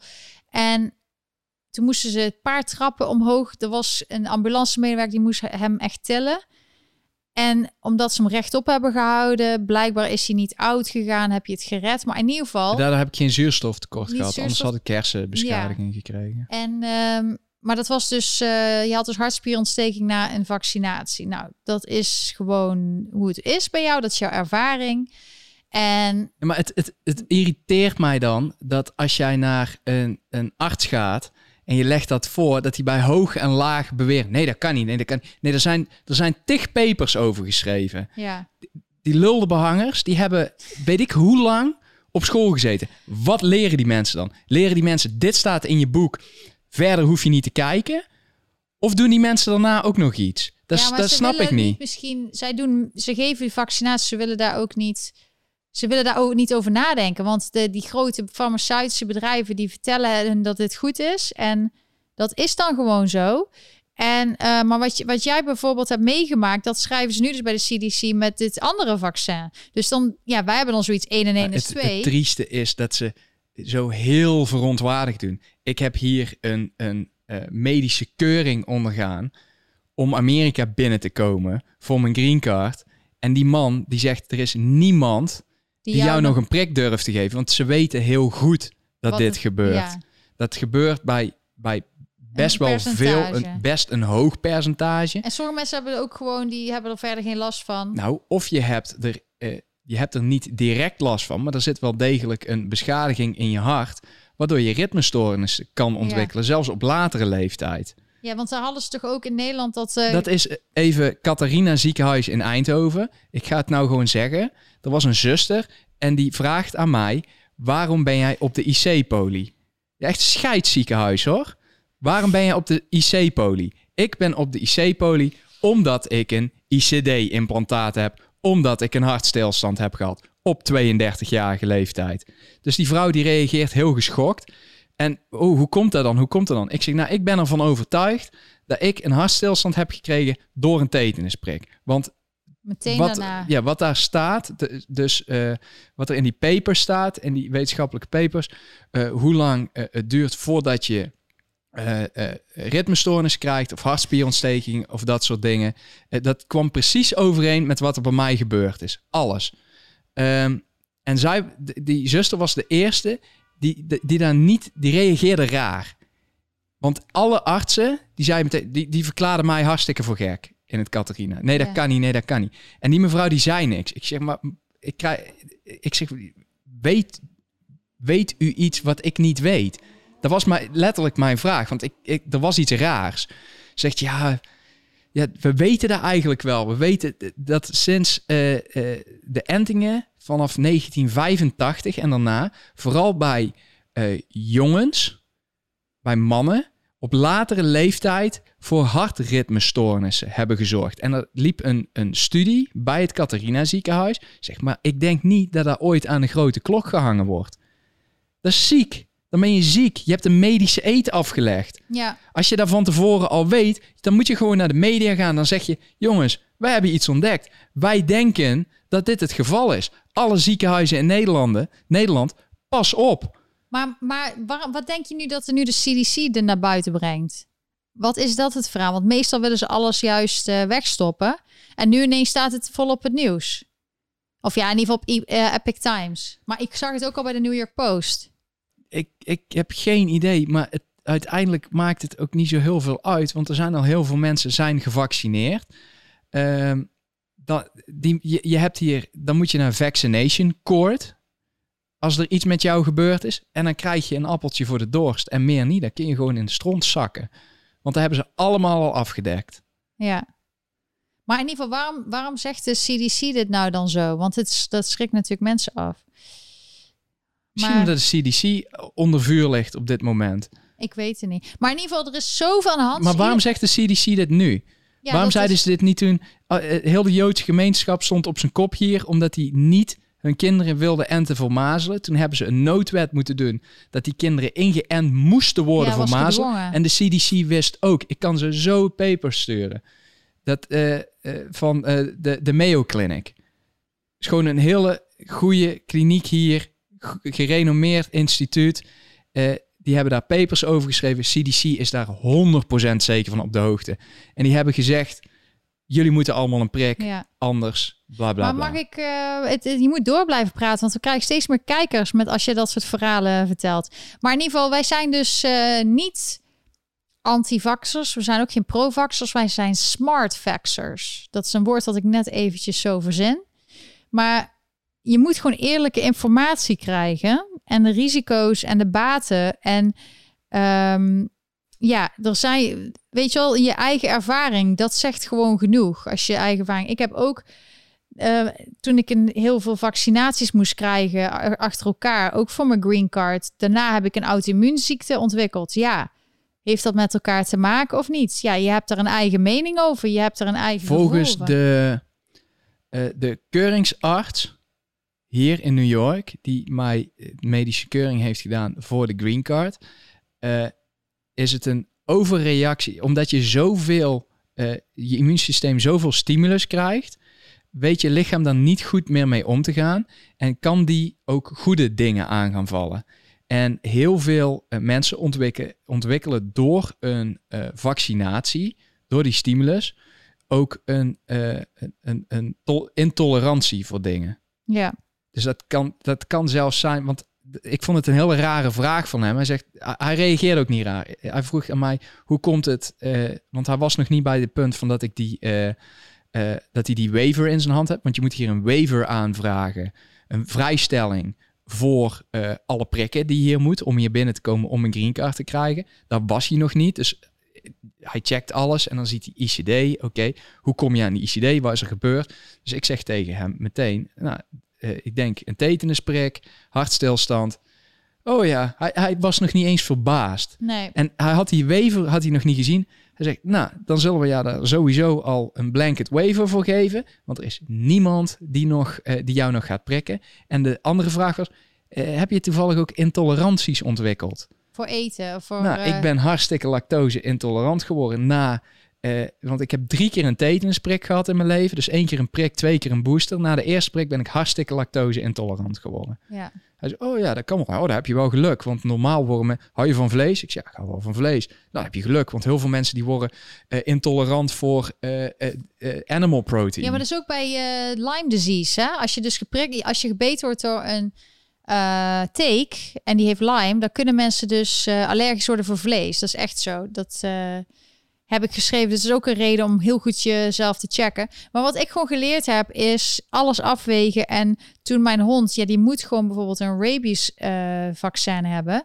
En ik heb hem heel goed begeleid erin. Ik heb hem chlorella gegeven van tevoren. En daarna, want ik had gelezen uit onderzoek dat dat helpt. Ehm, en hij heeft er verder eh, geen last van gehad. Dus eh dan ben ik heel blij, want ik heb gewoon goed onderzoek gedaan. Ik heb allemaal gekeken van hoe kun je het beste begeleiden. En dat is wat mensen moeten doen. Ze moeten mensen wat meer begeleiden. Dat, daar kunnen ze ook heel veel geld aan verdienen. Ehm, begeleiden van mensen die gevaccineerd worden. Dus ik snap niet waarom ze dat niet doen. Het is gewoon, ze willen alleen die prik, maar er is geen begeleiding van dokters. En dat is wat ik zou willen als ik de baas was van een land. Dat, dat mensen die een prik krijgen beter begeleid worden in de weken daarna of ervoor. Zodat je lichaam het zo goed mogelijk aan kan. Ik denk dat dat ook heel veel geld gaat schelen voor de gezondheidszorg op lange termijn. Maar in die context wil ik even reageren in diezelfde lijn op een comment die hier geplaatst wordt. Dan zegt iemand, degene die prikt, die is verantwoordelijk. Maar dat is dus helemaal afgedekt. Want eh, dan, eh, dan kom je bij vaccination court. Ja, en dat is helemaal, ja, dus in Amerika zijn ze afgedekt. En hier in Amerika ben je nogal snel verantwoordelijk voor iets. Maar niet voor als je een prik zet. Klaar. Eh, als ze die mensen weer verantwoordelijk maken. Als jij, of je nou timmerman bent of slager of wat dan ook. Je hebt altijd beroepsaansprakelijkheid. Er kan altijd iets misgaan. En dan spreken mensen jou gewoon aan als je iets opgefukt hebt. Behalve als jij een dokter bent. Want dan ben je blijkbaar immuun. Of als je ambtenaar bent. Dan, hoef je ook, dan heb je Nee. ook geen verantwoordelijkheid. Dan kun je Dus- alles doen en maken en iedereen En als ze die, maken. da- dat is mijn punt elke keer. Als ze nou die mensen weer verantwoordelijk maken voor hun daden. Misschien dat ze dan iets voorzichtiger zijn. Misschien dat ze dan wel de bijsluiter lezen. Misschien dat ze dan wel die mensen gaan testen. Om te kijken of ze al eh, eh, resistent zijn. Maar dan zegt hier ook iemand. eh, mensen eh, hebben naar tetens gezocht, maar ze kunnen het niet meer vinden. Eh, dat is dus ook het punt. Eh, De hoeveelheid het percentage van mensen dat een, bij- een, een negatief bijeffect krijgt van zo'n enting is extreem veel groter dan de kans op tetanus. ja. Extreem veel groter. En je gaat ook niet meer dood aan tetanus. Dus maar dit... die mensen zijn Maar jij, maar jij knettergek. zegt nu allemaal dingen. En dan denk ik al, oh, oh, wij worden. Disclaimer, ik ben, geen, ik ben geen arts. Je moet Ja. altijd je arts raadplegen. Ook al is het een, een knuppel. Maar blijkbaar hebben die een streepje voor Nee, omdat ze een diploma moet- hebben. Nee, kom op, Lonneke. Nee, dit gaat ik. dit Nee, gaat nergens ik, maar over? Ik wil niet dat deze hele video geflagd wordt. Dus we halen dat als stukje daar er gewoon uit of zo. Maar in ieder geval, ik zie ook mensen praten over bepaalde dingen. En dan wil ik dus zeggen, mijn hond... Oh, Laat YouTube maar flaggen. En dan mogen ze, dan mogen, dan, dan mogen ze mij bellen. En dan, dan Ja, mogen hun aanleveren. Nee, het is echt diep Ah, eh, triest. ze pro- want ze, als ze Trump al van dingen afhalen. Dus we gaan gewoon heel voorzichtig mee om. En, eh, maar bijvoorbeeld iemand zegt ook iets over mijn hond en zo. Ja, het punt is dus gewoon, als je wil reizen met je hond... En in New York en zo, en in Amerika moet je hond dus tegen... En ook in Nederland volgens mij moet hij tegen rabies ingeënt zijn. En dan heb je geen keuze. Dus daarom is het zo erg dat je dat moet doen. Ehm, omdat het is dus niet, ik heb het niet daar precies over, maar je bent gewoon gedwongen om dat te doen. En ze gaan steeds meer dingen dwingen bij mensen en bij dieren. En ehm, ik denk juist zelf dat ik ben zelf heel erg van de titertest. Nou, dat is veel duurder als een vaccinatie, maar als je dat dus vaak doet, dat is ook een verdienmodel. Ik snap niet waarom ze dat niet bij mensen wat meer promoten. Dat, daar verdienen ze superveel geld mee. Dus dan heb je alles toch bij elkaar. Maar ik snap niet waarom daar geen aandacht aan besteed wordt. Dat je met titeltest kun je bloed checken of je genoeg antistoffen hebt. Ehm, ja, dus dat is wat ik, uh, hoe ik ernaar kijk. Maar nogmaals, ik ben nog steeds voor dat iedereen eigenlijk vrij zou moeten kiezen. Dus daarom vond ik het heel vervelend dat ik um, ja, gedwongen was om dit te doen bij mijn hond. Terwijl ik eigenlijk al weet dat hij, heeft ooit al een vaccinatie gehad. Dus hij heeft waarschijnlijk gewoon nog antistoffen, maar dat telt dan niet. Dat is dan niet goed genoeg. Terwijl waarom, waarom gaan ze dat niet ontwikkelen? Dat, dat je gewoon, zolang je hond gewoon de antistoffen heeft, dat het gewoon goed is. En bij mensen ook. Um, maar ook, ja, in ieder geval laten we het volgende onderwerp. Of iemand moet er iets over vragen via dit superchat. Het is een heel beladen onderwerp. Wij praten vooral uit onze eigen ervaring omdat we allebei dus uh, ja, niet zulke fijne ervaring hebben met de vaccinatie op verschillende niveau. Het is ook niet iets waar ik niet kan onderbouwen. Hè? Want ik, heb gewoon die, ik heb gewoon die stukken die staan op mijn computer. Ik heb mijn uh, waiver getekend en wel heb ik hier ook nog. Ja, maar jij, jij gaat soms als je als je eenmaal een verhaal begint te vertellen, ga je er zo diep op in en zo persoonlijk dat je soms. Ja, maar dit is heel persoonlijk voor mensen. Als, als, jou, als je jouw dokter niet meer kan vertrouwen, omdat hij niet de verantwoordelijkheid neemt, omdat hij waarschijnlijk gewoon geen verantwoordelijkheid hoeft te nemen. Dat, mensen moeten eens een keer na gaan denken. Dat snap ik. Maar ik had dan bijvoorbeeld wat je net zei over bijvoorbeeld bepaalde ziektes en dat, eh, dat je daar dus. Um, ik heb bijvoorbeeld een hond gezien met tetanus. Nou, die ging echt bijna nou, dood ik had een krasje op mijn hoofd en daarom moest ik een tetanusprik halen. En ik heb ook tetanus gegoogeld en je schrikt je helemaal kapot. Ja, nou die hond, die was echt, dat was echt niet, ik weet niet hoe die het heeft gekregen, maar die was helemaal verstijfd.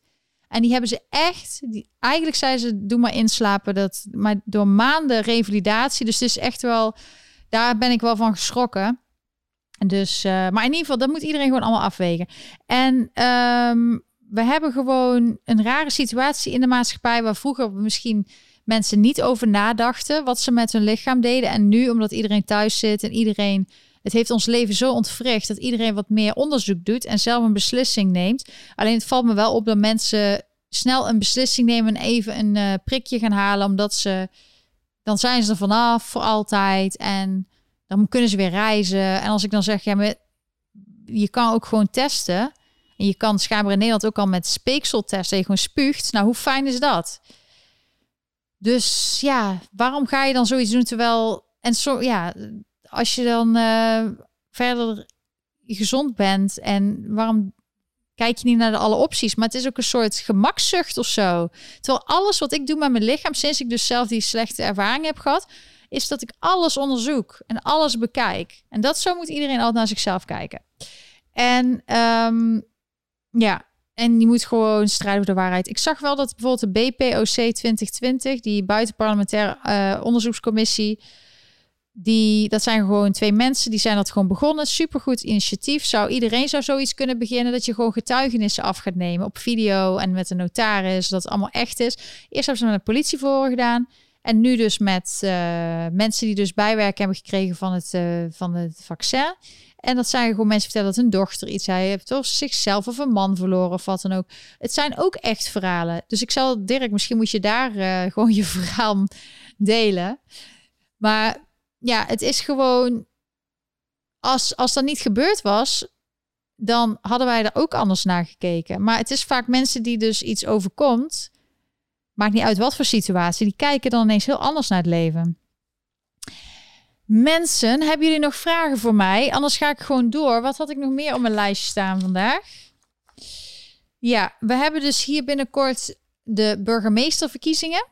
En daar zijn ze flink voor een campagne voor. Niet alleen burgemeester. Ik heb het vaker gezegd. Hier is het zelfs de financial controller. Dus degene die alle financiële zaken regelt en het budget in de gaten houdt. City council, dus, dus de gemeenteraad. Daar worden alle leden voor gekozen.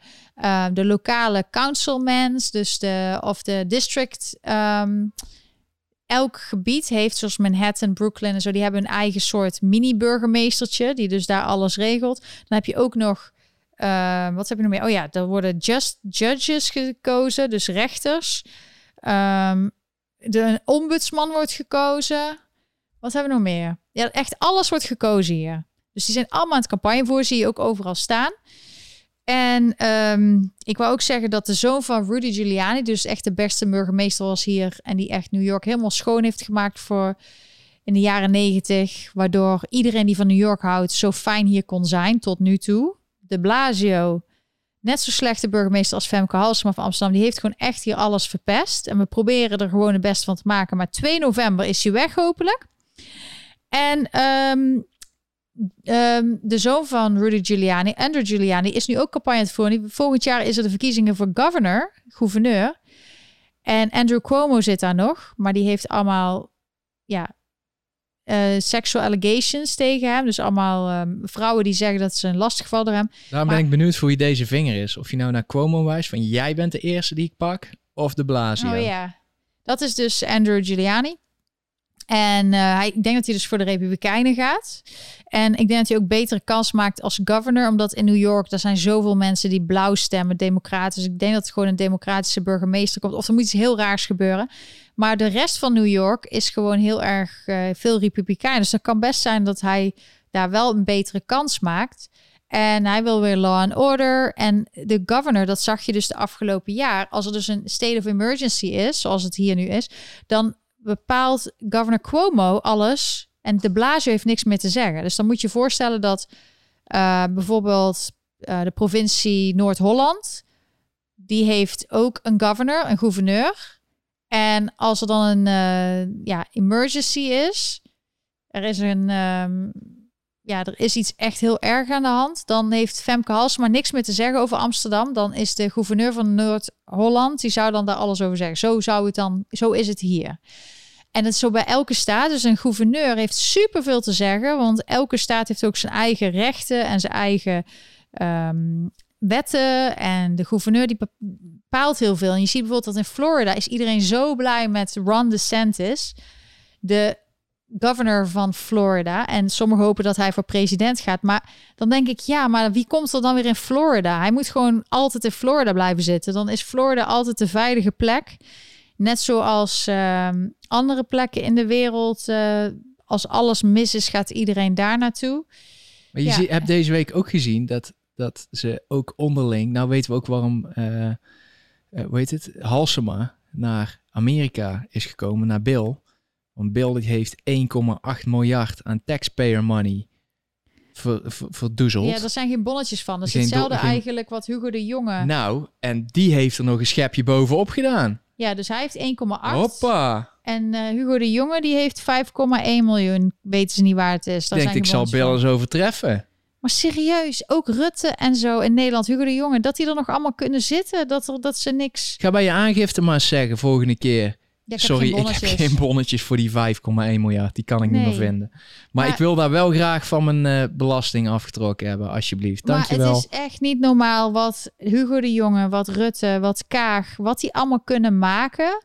Ook D66, um, die andere ministers ervan. Vooral in Hoekstra en zo, die allemaal de, wat hun echt verbindt, is dat ze allemaal lid zijn van de World Economic Forum. Dus het is eigenlijk gewoon één grote partij.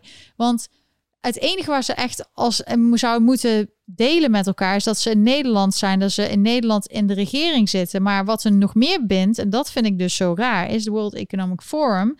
En de mensen die daar lid van zijn, die doen, zijn allemaal belangrijk in de regering, maar de anderen niet.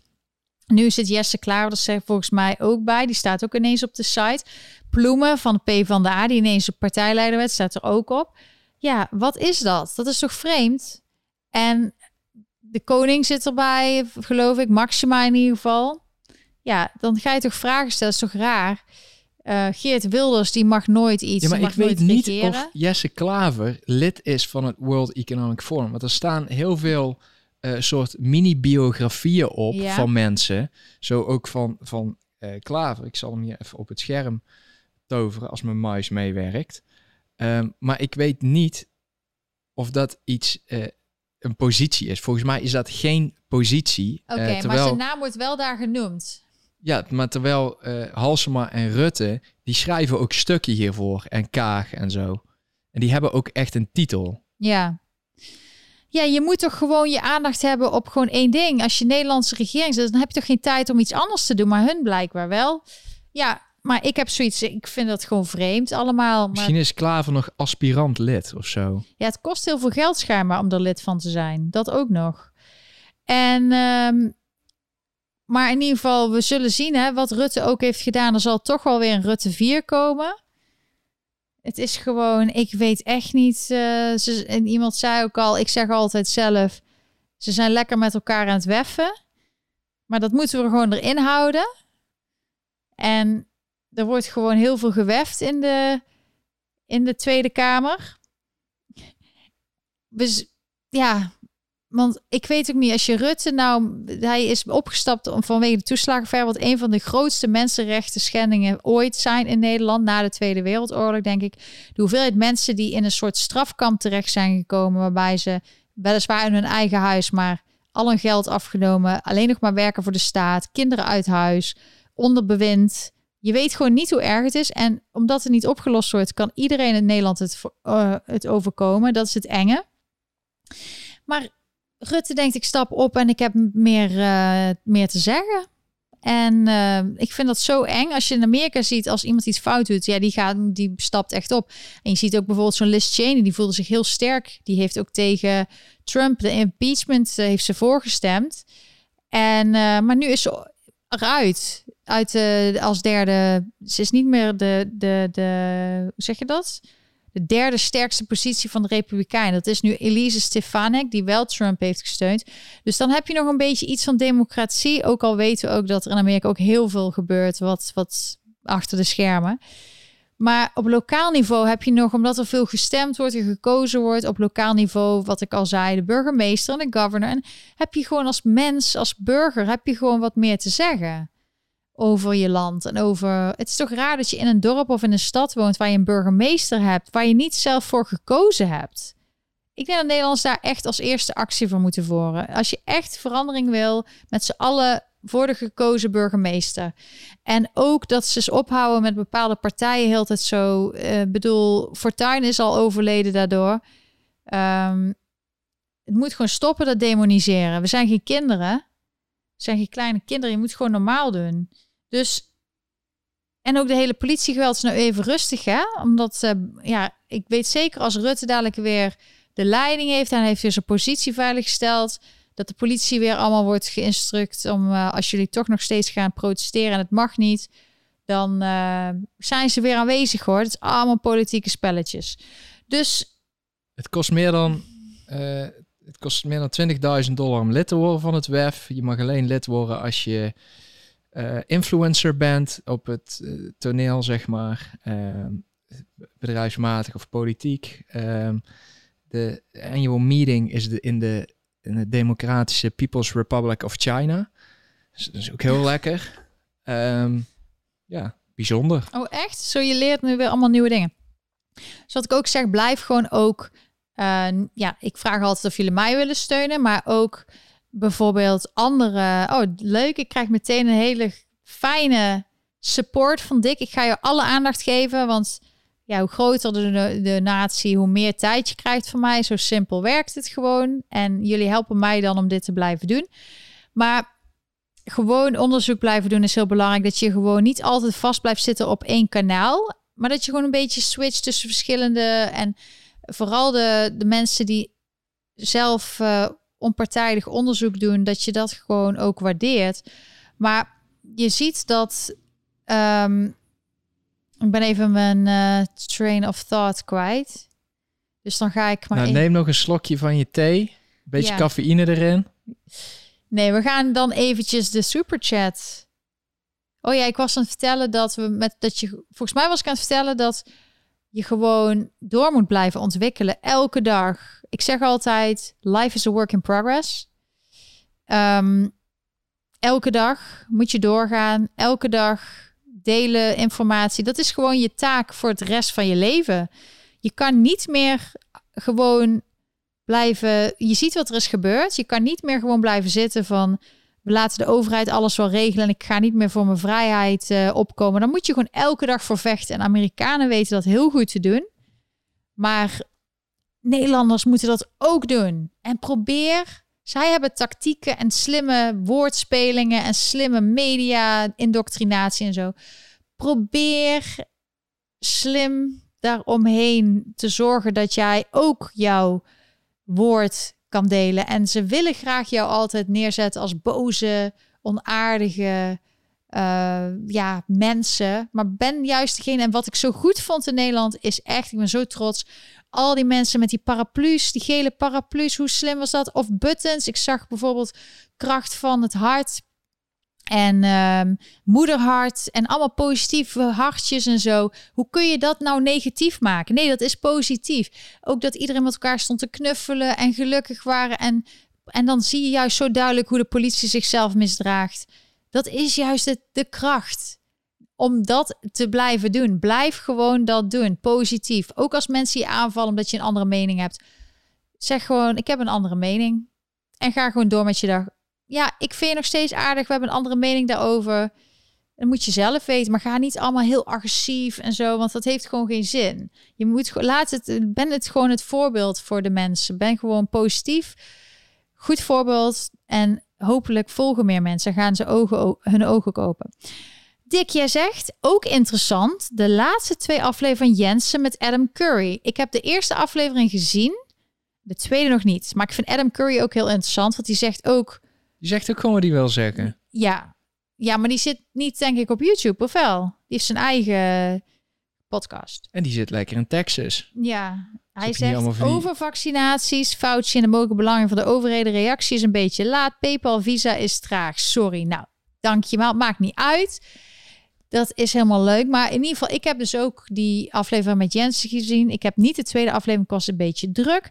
Maar die ga ik dus straks kijken. Goede tip. En um, ja, die blijven ook al heel lang gewoon hun eigen mening zeggen. Maar hij zegt ook in zijn aflevering van wij gaan verhuizen. Want Austin is heel democratisch in Texas. Daar is bijvoorbeeld Joe Rogan heen verhuisd. En Elon Musk die gaat volgens mij ook naar Texas, naar Austin.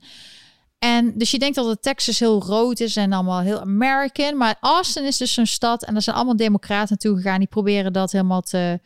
Ja, dat is een blauwe stad.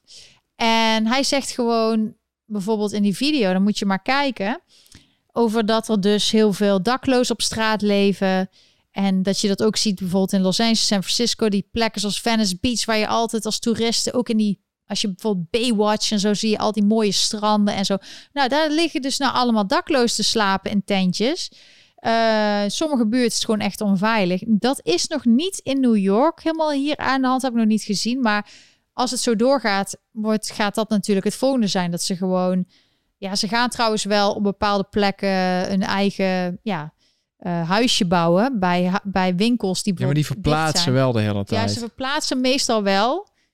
Maar in dat soort plekken. Hij zegt ja, er zijn gewoon onder de brug zijn er gewoon plekken dat. Um, maar hij zei wel dat ze lokaal daartegen aan het vechten waren. Dus dat nogmaals, dat laat dus zien dat mensen actief zijn. En ik had gisteren in de aflevering iets over hier in de buurt, in Soho, dat, dat de Blasio, die gaat dus bijna weg. Maar die wil nog even zijn laatste. Hij haat echt mensen die uh, het goed hebben of veilige buurt. Hij wil dat alle buurten in New York, dat er arme mensen wonen en rijke mensen. Dus waardoor het misschien wat onveiliger wordt. En nou wilde hier dus een shelter gaan maken, een opvang voor 200 mannen, die dus net uit de gevangenis komen. Dus die zijn helemaal niet geïntegreerd. Die hebben een heel slechte. En dan mannen 12 op een kamer. Nou, dan weet je zelf al, die krijgen ruzie. En dan is er maar 10 security guards zouden dan komen. Dus, en die zijn alleen maar in het gebouw. En overdag moeten die mensen allemaal op straat. dan moeten 200 mannen buiten op straat zijn. Nou, dit is gewoon recipe for disaster. Dus iedereen is daar hiervoor tegen aan het vechten. We weten niet of die hele nieuwe zoning die hij wil, waardoor hij ook bijvoorbeeld die shelter wil. Ja, wij krijgen dan dus mensen maken pamfletten en zo, om dat helemaal naar de buurt dat uit te leggen van dit is wat er aan de hand is. Um, let erop, doe mee met acties, wil je meer informatie. Maar de blaasje die wil echt alles gewoon met een bulldozer gelijkwaardig maken. Ja, maar ze presenteren het ook heel raar. Want ze zeggen, ze zeggen niet low income housing.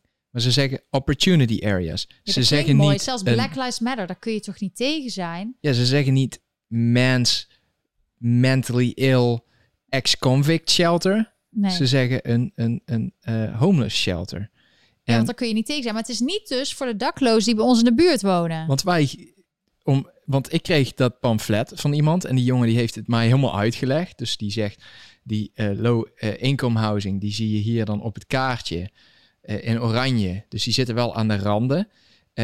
Alles, alles wat je hier ziet, daar mag geen hoogbouw neergezet worden. Maar dit wordt allemaal hoogbouw. dus dit is Soho. Dus dit wat is echt het hart van. Soho. Ja, Dit, dus eh, bij Broadway, dat is het blauwe. Daar worden dus allemaal grote winkelketens. Normaal in Soho moet je dus een artist in residence certificaat hebben, anders mag je hier niet kopen. Dus je moet een artist zijn. En ehm, dat willen ze dus weghalen, zodat iedereen kan dan gewoon die appartementen kopen. Maar in ruil daarvoor moeten dus die zoning gerezoned worden volgens de Blasio. Met dan op die gele plekken. En de uit, daar moeten dus, daar moet dus heel hoogbouw gebouwd worden. En daar komen dus mensen opportunity zones. opportunities. Dus dat is voor maken- lager inkomen. En dat is ook nog niet zo'n probleem. Nee, Want hoogbouw, wel druk. tenminste, hoogbouw is niet zo heel goed, want het is gewoon een historisch gebied. Dus Ja. het is een beetje raar dat ze dat nou toch gaan vernietigen. Maar ja, geld overwint alles blijkbaar. Ehm, en wat ik ook niet erg vind, is het feit dat er meer draagkracht komt voor eh, restaurants en bepaalde winkels. Eh, een beetje convenience winkels, die wij hier gewoon wel missen. ja, want Dus het is het- allemaal dure winkels geworden hier. Ja, dus het wordt misschien wel Ik voor hier ons ook al- iets Ik leefbaarder. woon hier al 15 jaar en toen ik hier kwam wonen, toen eh, was er nog wel een deli op de hoek of een klein supermarktje en restaurants. En langzamerhand over de afgelopen jaren zijn die allemaal weggegaan. Zijn het alleen maar dure Louis Vuitton stores en zo geworden. Dus ik heb die verandering echt zien komen, omdat het hier echt was echt in het weekend is het hier echt Disneyland met hoeveel toeristen er waren. Dat is natuurlijk Maar- iets rustiger. Maar die, die low income, de opportunity zones, daar zit blijkbaar ook nog een houdbaarheidsdatum achter. Want maar- blijkbaar ja. hebben mensen niet heel lang opportunities nodig, gewoon heel even. En dan kan het gewoon weer aan de rijke mensen vergeven worden. Ja, dus je hebt een paar jaar, dan is het voor low income en dan mag het dus weer omgezet worden naar rijken. Dus uiteindelijk wordt alles dus alleen maar voor rijken, maar de middelklaas, die wordt er eigenlijk een beetje uitgeduwd, want die kunnen op een gegeven moment die appartementen die dus waar al die regels voor artists eh, in zijn, die worden dat wordt weggehaald. Nou, hij gaat het eigenlijk gewoon helemaal naar de kloten helpen. ja, Door daar gewoon hele gevaarlijke mensen neer te gaan zetten. Met die, met die eh, ex-convicts en zo. Ehm, daar ben ik nog niet zo heel bang voor. Want die zitten meestal gewoon voor onzin ook nog vast. Maar wel voor mensen die uit een mentale instelling komen. Dat is gewoon echt, echt een zwaar probleem hier. Dus hij gaat alles naar de kloten helpen. In de tussentijd zet hij daar mensen uit opportunity zones neer. Of low income mensen. Die al lang blij zijn dat ze eindelijk gewoon hier downtown kunnen wonen. Want het is gewoon stikduur hier allemaal. Daar hoef ik niet over uit te wijden. Ehm, dan eh, daarmee, met die rare mensen die hier komen, gaat hij alles naar de kloten helpen. Waardoor op het moment dat die opportunity zones aflopen, kunnen mensen voor een appel en een, en, en een ei, in verhouding met nu, kunnen ze eh, die gebouwen oppikken hier. En dan kunnen die developers weer een hoop geld verdienen. maar in ieder geval het is een soort En ik garandeer jou dat die, dat die homeless shelter dan ook weggaat. Zodra die opportunity zone weg is, Ja. gaat die homeless shelter ook weg. Ja, maar het, Dan- is, het is gewoon, je gaat nou te diep op in. Het, het, het is gewoon, de Blasio wil dus eigenlijk gewoon de mensen die hier eigenlijk een rustig leven hebben, irriteren door ineens. Waarom zou je, als er zoveel plekken zijn om een homeless shelter voor mensen die hulp nodig hebben, die overdag buiten moeten zijn en dan s'avonds binnen, waardoor ze dus overdag op straat zijn. Waarom doe je dat expres in een plek waar ten eerste heel veel toeristen komen en families wonen met kinderen? Waarom doe je dat daar? Waarom niet op een andere plek waar het rustiger is, waar ze niet zo tot last kunnen zijn? of En waarom een- help je de, de mensen, die artiesten die hier nog wonen, die het ook echt zwaar hebben om hier te kunnen blijven wonen, waarom help je die niet? De eh, daklozen die hier in de buurt wonen, want dat is het. wij punt. nemen niet de, de woorden van die man, die, de- ik ga dan niet, eh, als, die nemen wij niet als waarheid aan, per se. Dus wij zijn meteen rond gaan lopen en we hebben eh, bepaalde bevriende dakloze mensen gevraagd van hoe zit dit nou? Ja, En die zegt zelf ook, ja, dit, dit is gewoon niet iets wat mij helpt. Want ik kies er zelfs voor om op straat te blijven slapen, omdat ik niet... Ten eerste is die persoon, omdat hij geen ex-convict is en omdat hij niet gestoord is, is die niet welkom op die, eh, op die plekken. Eh, eh, soms bij de gratie van de mensen die daar zijn, word je dan toch toegelaten. En zeg maar, ik wil daar niet zijn, want het is daar gewoon onveilig. De laatste keer dat ik in een shelter heb geslapen, zijn zelfs de sokken van mijn voeten weggejat. Ik was alles kwijt. En je kan daar niet slapen, want je bent gewoon de hele nacht bang, zegt hij. En dat is niet de eerste persoon die daar zei. Nee, precies. Dus het is zo, er zijn wel shelters, maar de mensen die dus eigenlijk uh, redelijk uh, mentaal oké zijn, die durven gewoon niet uh, of ze zijn misschien uh, homo, of ze zijn, of ze hebben iets anders waardoor ze een target zijn in die shelters. Ja, die, die wonen liever op straat. En um, ik had een tijdje geleden gezegd dat wij een dakloze man, die, die kwam eigenlijk uit San Francisco, die hebben we altijd gesteund, maar die is er een hele tijd kwijt. We, we, hebben die ook nog niet in contact kunnen krijgen. Hij heeft wel een e-mailadres, maar we zijn er dus aan het kijken of die nog uh, reageert. Maar we hebben nu wel um, een paar andere mensen die we dus proberen te steunen. En die willen gewoon een normale leven leiden. Het is niet zo dat dakloze mensen per se zielig zijn. Ze wonen gewoon op straat en ze hebben gewoon een. Uh, er is een keuze voor sommige mensen, omdat ze niet bijvoorbeeld de, he, de huur en het werk en zo, dat kunnen ze allemaal niet aan. Dus ze hebben gewoon een leven op straat. En dat wil ik heel duidelijk maken. Er, er zijn inderdaad mensen die hebben echt hulp nodig en die zijn dat gaat niet goed. Maar er zijn ook daklozen die kiezen hier gewoon voor. Die zien we gewoon s'avonds een bedje maken. En die hebben gewoon proberen. Dat is gewoon deel van hun leven. Het is gewoon, dat is gewoon hoe het is. Nou, dan kunnen we ehm, meteen nog een fabeltje uit de wereld helpen. Ja. Want deze uh, jongen die, uh, die is al heel lang dakloos. Die, uh, ik denk niet eens meer dat hij echt goed zou accederen, zeg maar, in, in, in een normale setting. Um, maar die had dus zijn rug gebroken. En volgens je, je de... zag hem een tijdje niet op straat. Ja, ik had hem heel lang niet gezien en ik was een beetje bang wat er gebeurd was. Want ja. uh, hij, had, hij had eerst een hond en hij zorgde super goed voor zijn hond. Zelfs als hij zelf geen geld had om te eten. Die hond ging voor alles. En dan is er dus een of andere eikel in de buurt geweest. Die vond het vervelend dat hij daar in de buurt sliep. En die vond die hond maar niks. En die heeft die hond vergiftigd. Ja. Dus die hond is overleden. Dus die, super mooi. Daarom was ik bang van, is er iets met, met die jongen gebeurd? Want die had super zwaar, omdat zijn hond gewoon vermoord ja, was. Echt heel erg. Die hond was super lief. Maar was ook dezelfde hond als Been. Nou, toen bleek hem... dus dat hij zijn rug gebroken had. Ja. En volgens de fabeltjes in Nederland wil dat dus zeggen dat die jongen met een gebroken rug, dat ze die op straat hadden laten liggen en dat hij daar ter plekke dood was gegaan. En ja. dan hadden ze hem op Hart Island begraven en dan was het dan. Dat is Totale bullshit. Dus wat is er gebeurd met Die jongen die is gewoon opgepikt door de ambulance. Die heeft uh, uh, meer dan zes weken in het ziekenhuis gelegen. Uh, die komt nou nog steeds, komt hij twee wekelijks, komt hij in het ziekenhuis voor controle.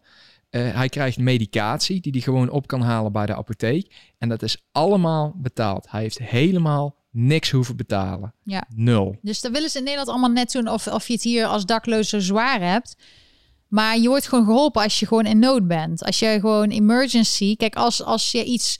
Uh, bijvoorbeeld een tand mist of je hebt een scheve neus, dan is het niet zo dat dat betaalt. Want het is niet een noodsituatie, tenzij je niet meer kan ademen. Maar als je gewoon gebroken arm, gebroken rug, uh, nierproblemen, zoiets, dan moeten ze gewoon je verzorgen. Dat is gewoon, dat is vanuit de overheid geregeld. En dat is misschien ook dat we de duurdere belasting betalen. Maar we hebben wel weer een mouthaantje uit de wereld geholpen. Want ja, omdat hij allemaal zegt dat ja, ja, hij heeft allemaal zo van die verhalen dat het hier allemaal zo slecht geregeld is. Maar hij, hij is ook gewoon volgens mij hier gewoon al op een visum of zo, een journalistenvisum. Ik weet ook niet anders. Maar hoe, waarom weet hij dit soort dingen niet? Hij kan gewoon naar de, naar de ziekenhuis gaan en het gewoon vragen wat de regels zijn. Dat, zijn. dat is gewoon, ook op de websites kun je dat vinden. Anyway, zijn er verder nog vragen? Ik zit even mijn lijst kijken. Ik wil ook even een shout-out doen aan al mijn Patreons. Ik heb er vier. Ik zou willen dat ik er wel vijf, zes, misschien wel meer zou krijgen. Ik ga er misschien wat meer op focussen. Um, dat is een maandelijkse bijdrage. Dat is heel fijn voor mij, zodat ik weet um, ja, wat, uh, waar, ik op kan bouwen. Um, en deze mensen, even kijken of ze uit het hoofd ken. Jelle, uh, Hugo. Ik zag dat Hugo een level omhoog is gegaan. Echt super fijn. Dankjewel, Hugo. Uh, Elja en Peter. Jullie zijn echt super. En ja, ik, uh, bij één level krijg je elke maand een handgeschreven kaart van mij. Dat is heel speciaal voor degenen die dat krijgen. Die, die vertellen me altijd dat het heel leuk is om toch een kaartje uit New York te krijgen. En eh, verder ga ik het ook wat uitbreiden met eh, wat andere producten en zo. Maar ik ga deze komende tijd gewoon dingen. We hebben, ja, ik ben nu een tijdje bezig. Ik word beter, uit, eh, beter in sommige dingen. En dan ga ik gewoon dat verbeteren en kijken wat jullie willen. Wat willen jullie van mij graag? Wat willen jullie meer horen? Willen jullie meer video's? Wil je dit en dat? Ja, die kaart die ging altijd naar familie. Dus je bent eigenlijk een beetje familie. Ja, de, de kerstkaart sowieso. Dat doe ik al jaren. Dus daar kun je nou ook lid voor worden. En ehm, het level van, ehm, eh, volgens mij is dat 20 dollar per maand. Dan doe ik echt een uitgebreid handgeschreven kaartje. Maak, ik een- maak jij een foto, die bewerk ik om een beetje politieke message of een leuke positieve message te doen. Is een soort postcard, dus met art, A-R-T op het eind. En eh, ja, dat vind ik leuk om te doen. Maar dat eh, wordt ook gewaardeerd, dus dat is heel leuk. En En Astrid ook bedankt. Want die heeft nog een donatie via Ideal gedaan aan jou. oh. Geen vraag.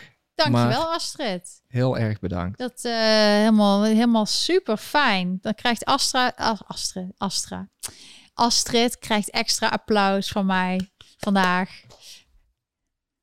Heb je dat geluidje niet? Ja? Even opnieuw. Ik doe eventjes eh dankjewel, oké? Dan moet jij op het juiste moment eh, kijken of het lukt. Hè? Dat is een nieuwe feature. Dankjewel Astrid, echt super! Ja, was dat leuk? Oké. Nou, dankjewel allemaal. Dat was het denk ik dan voor vandaag.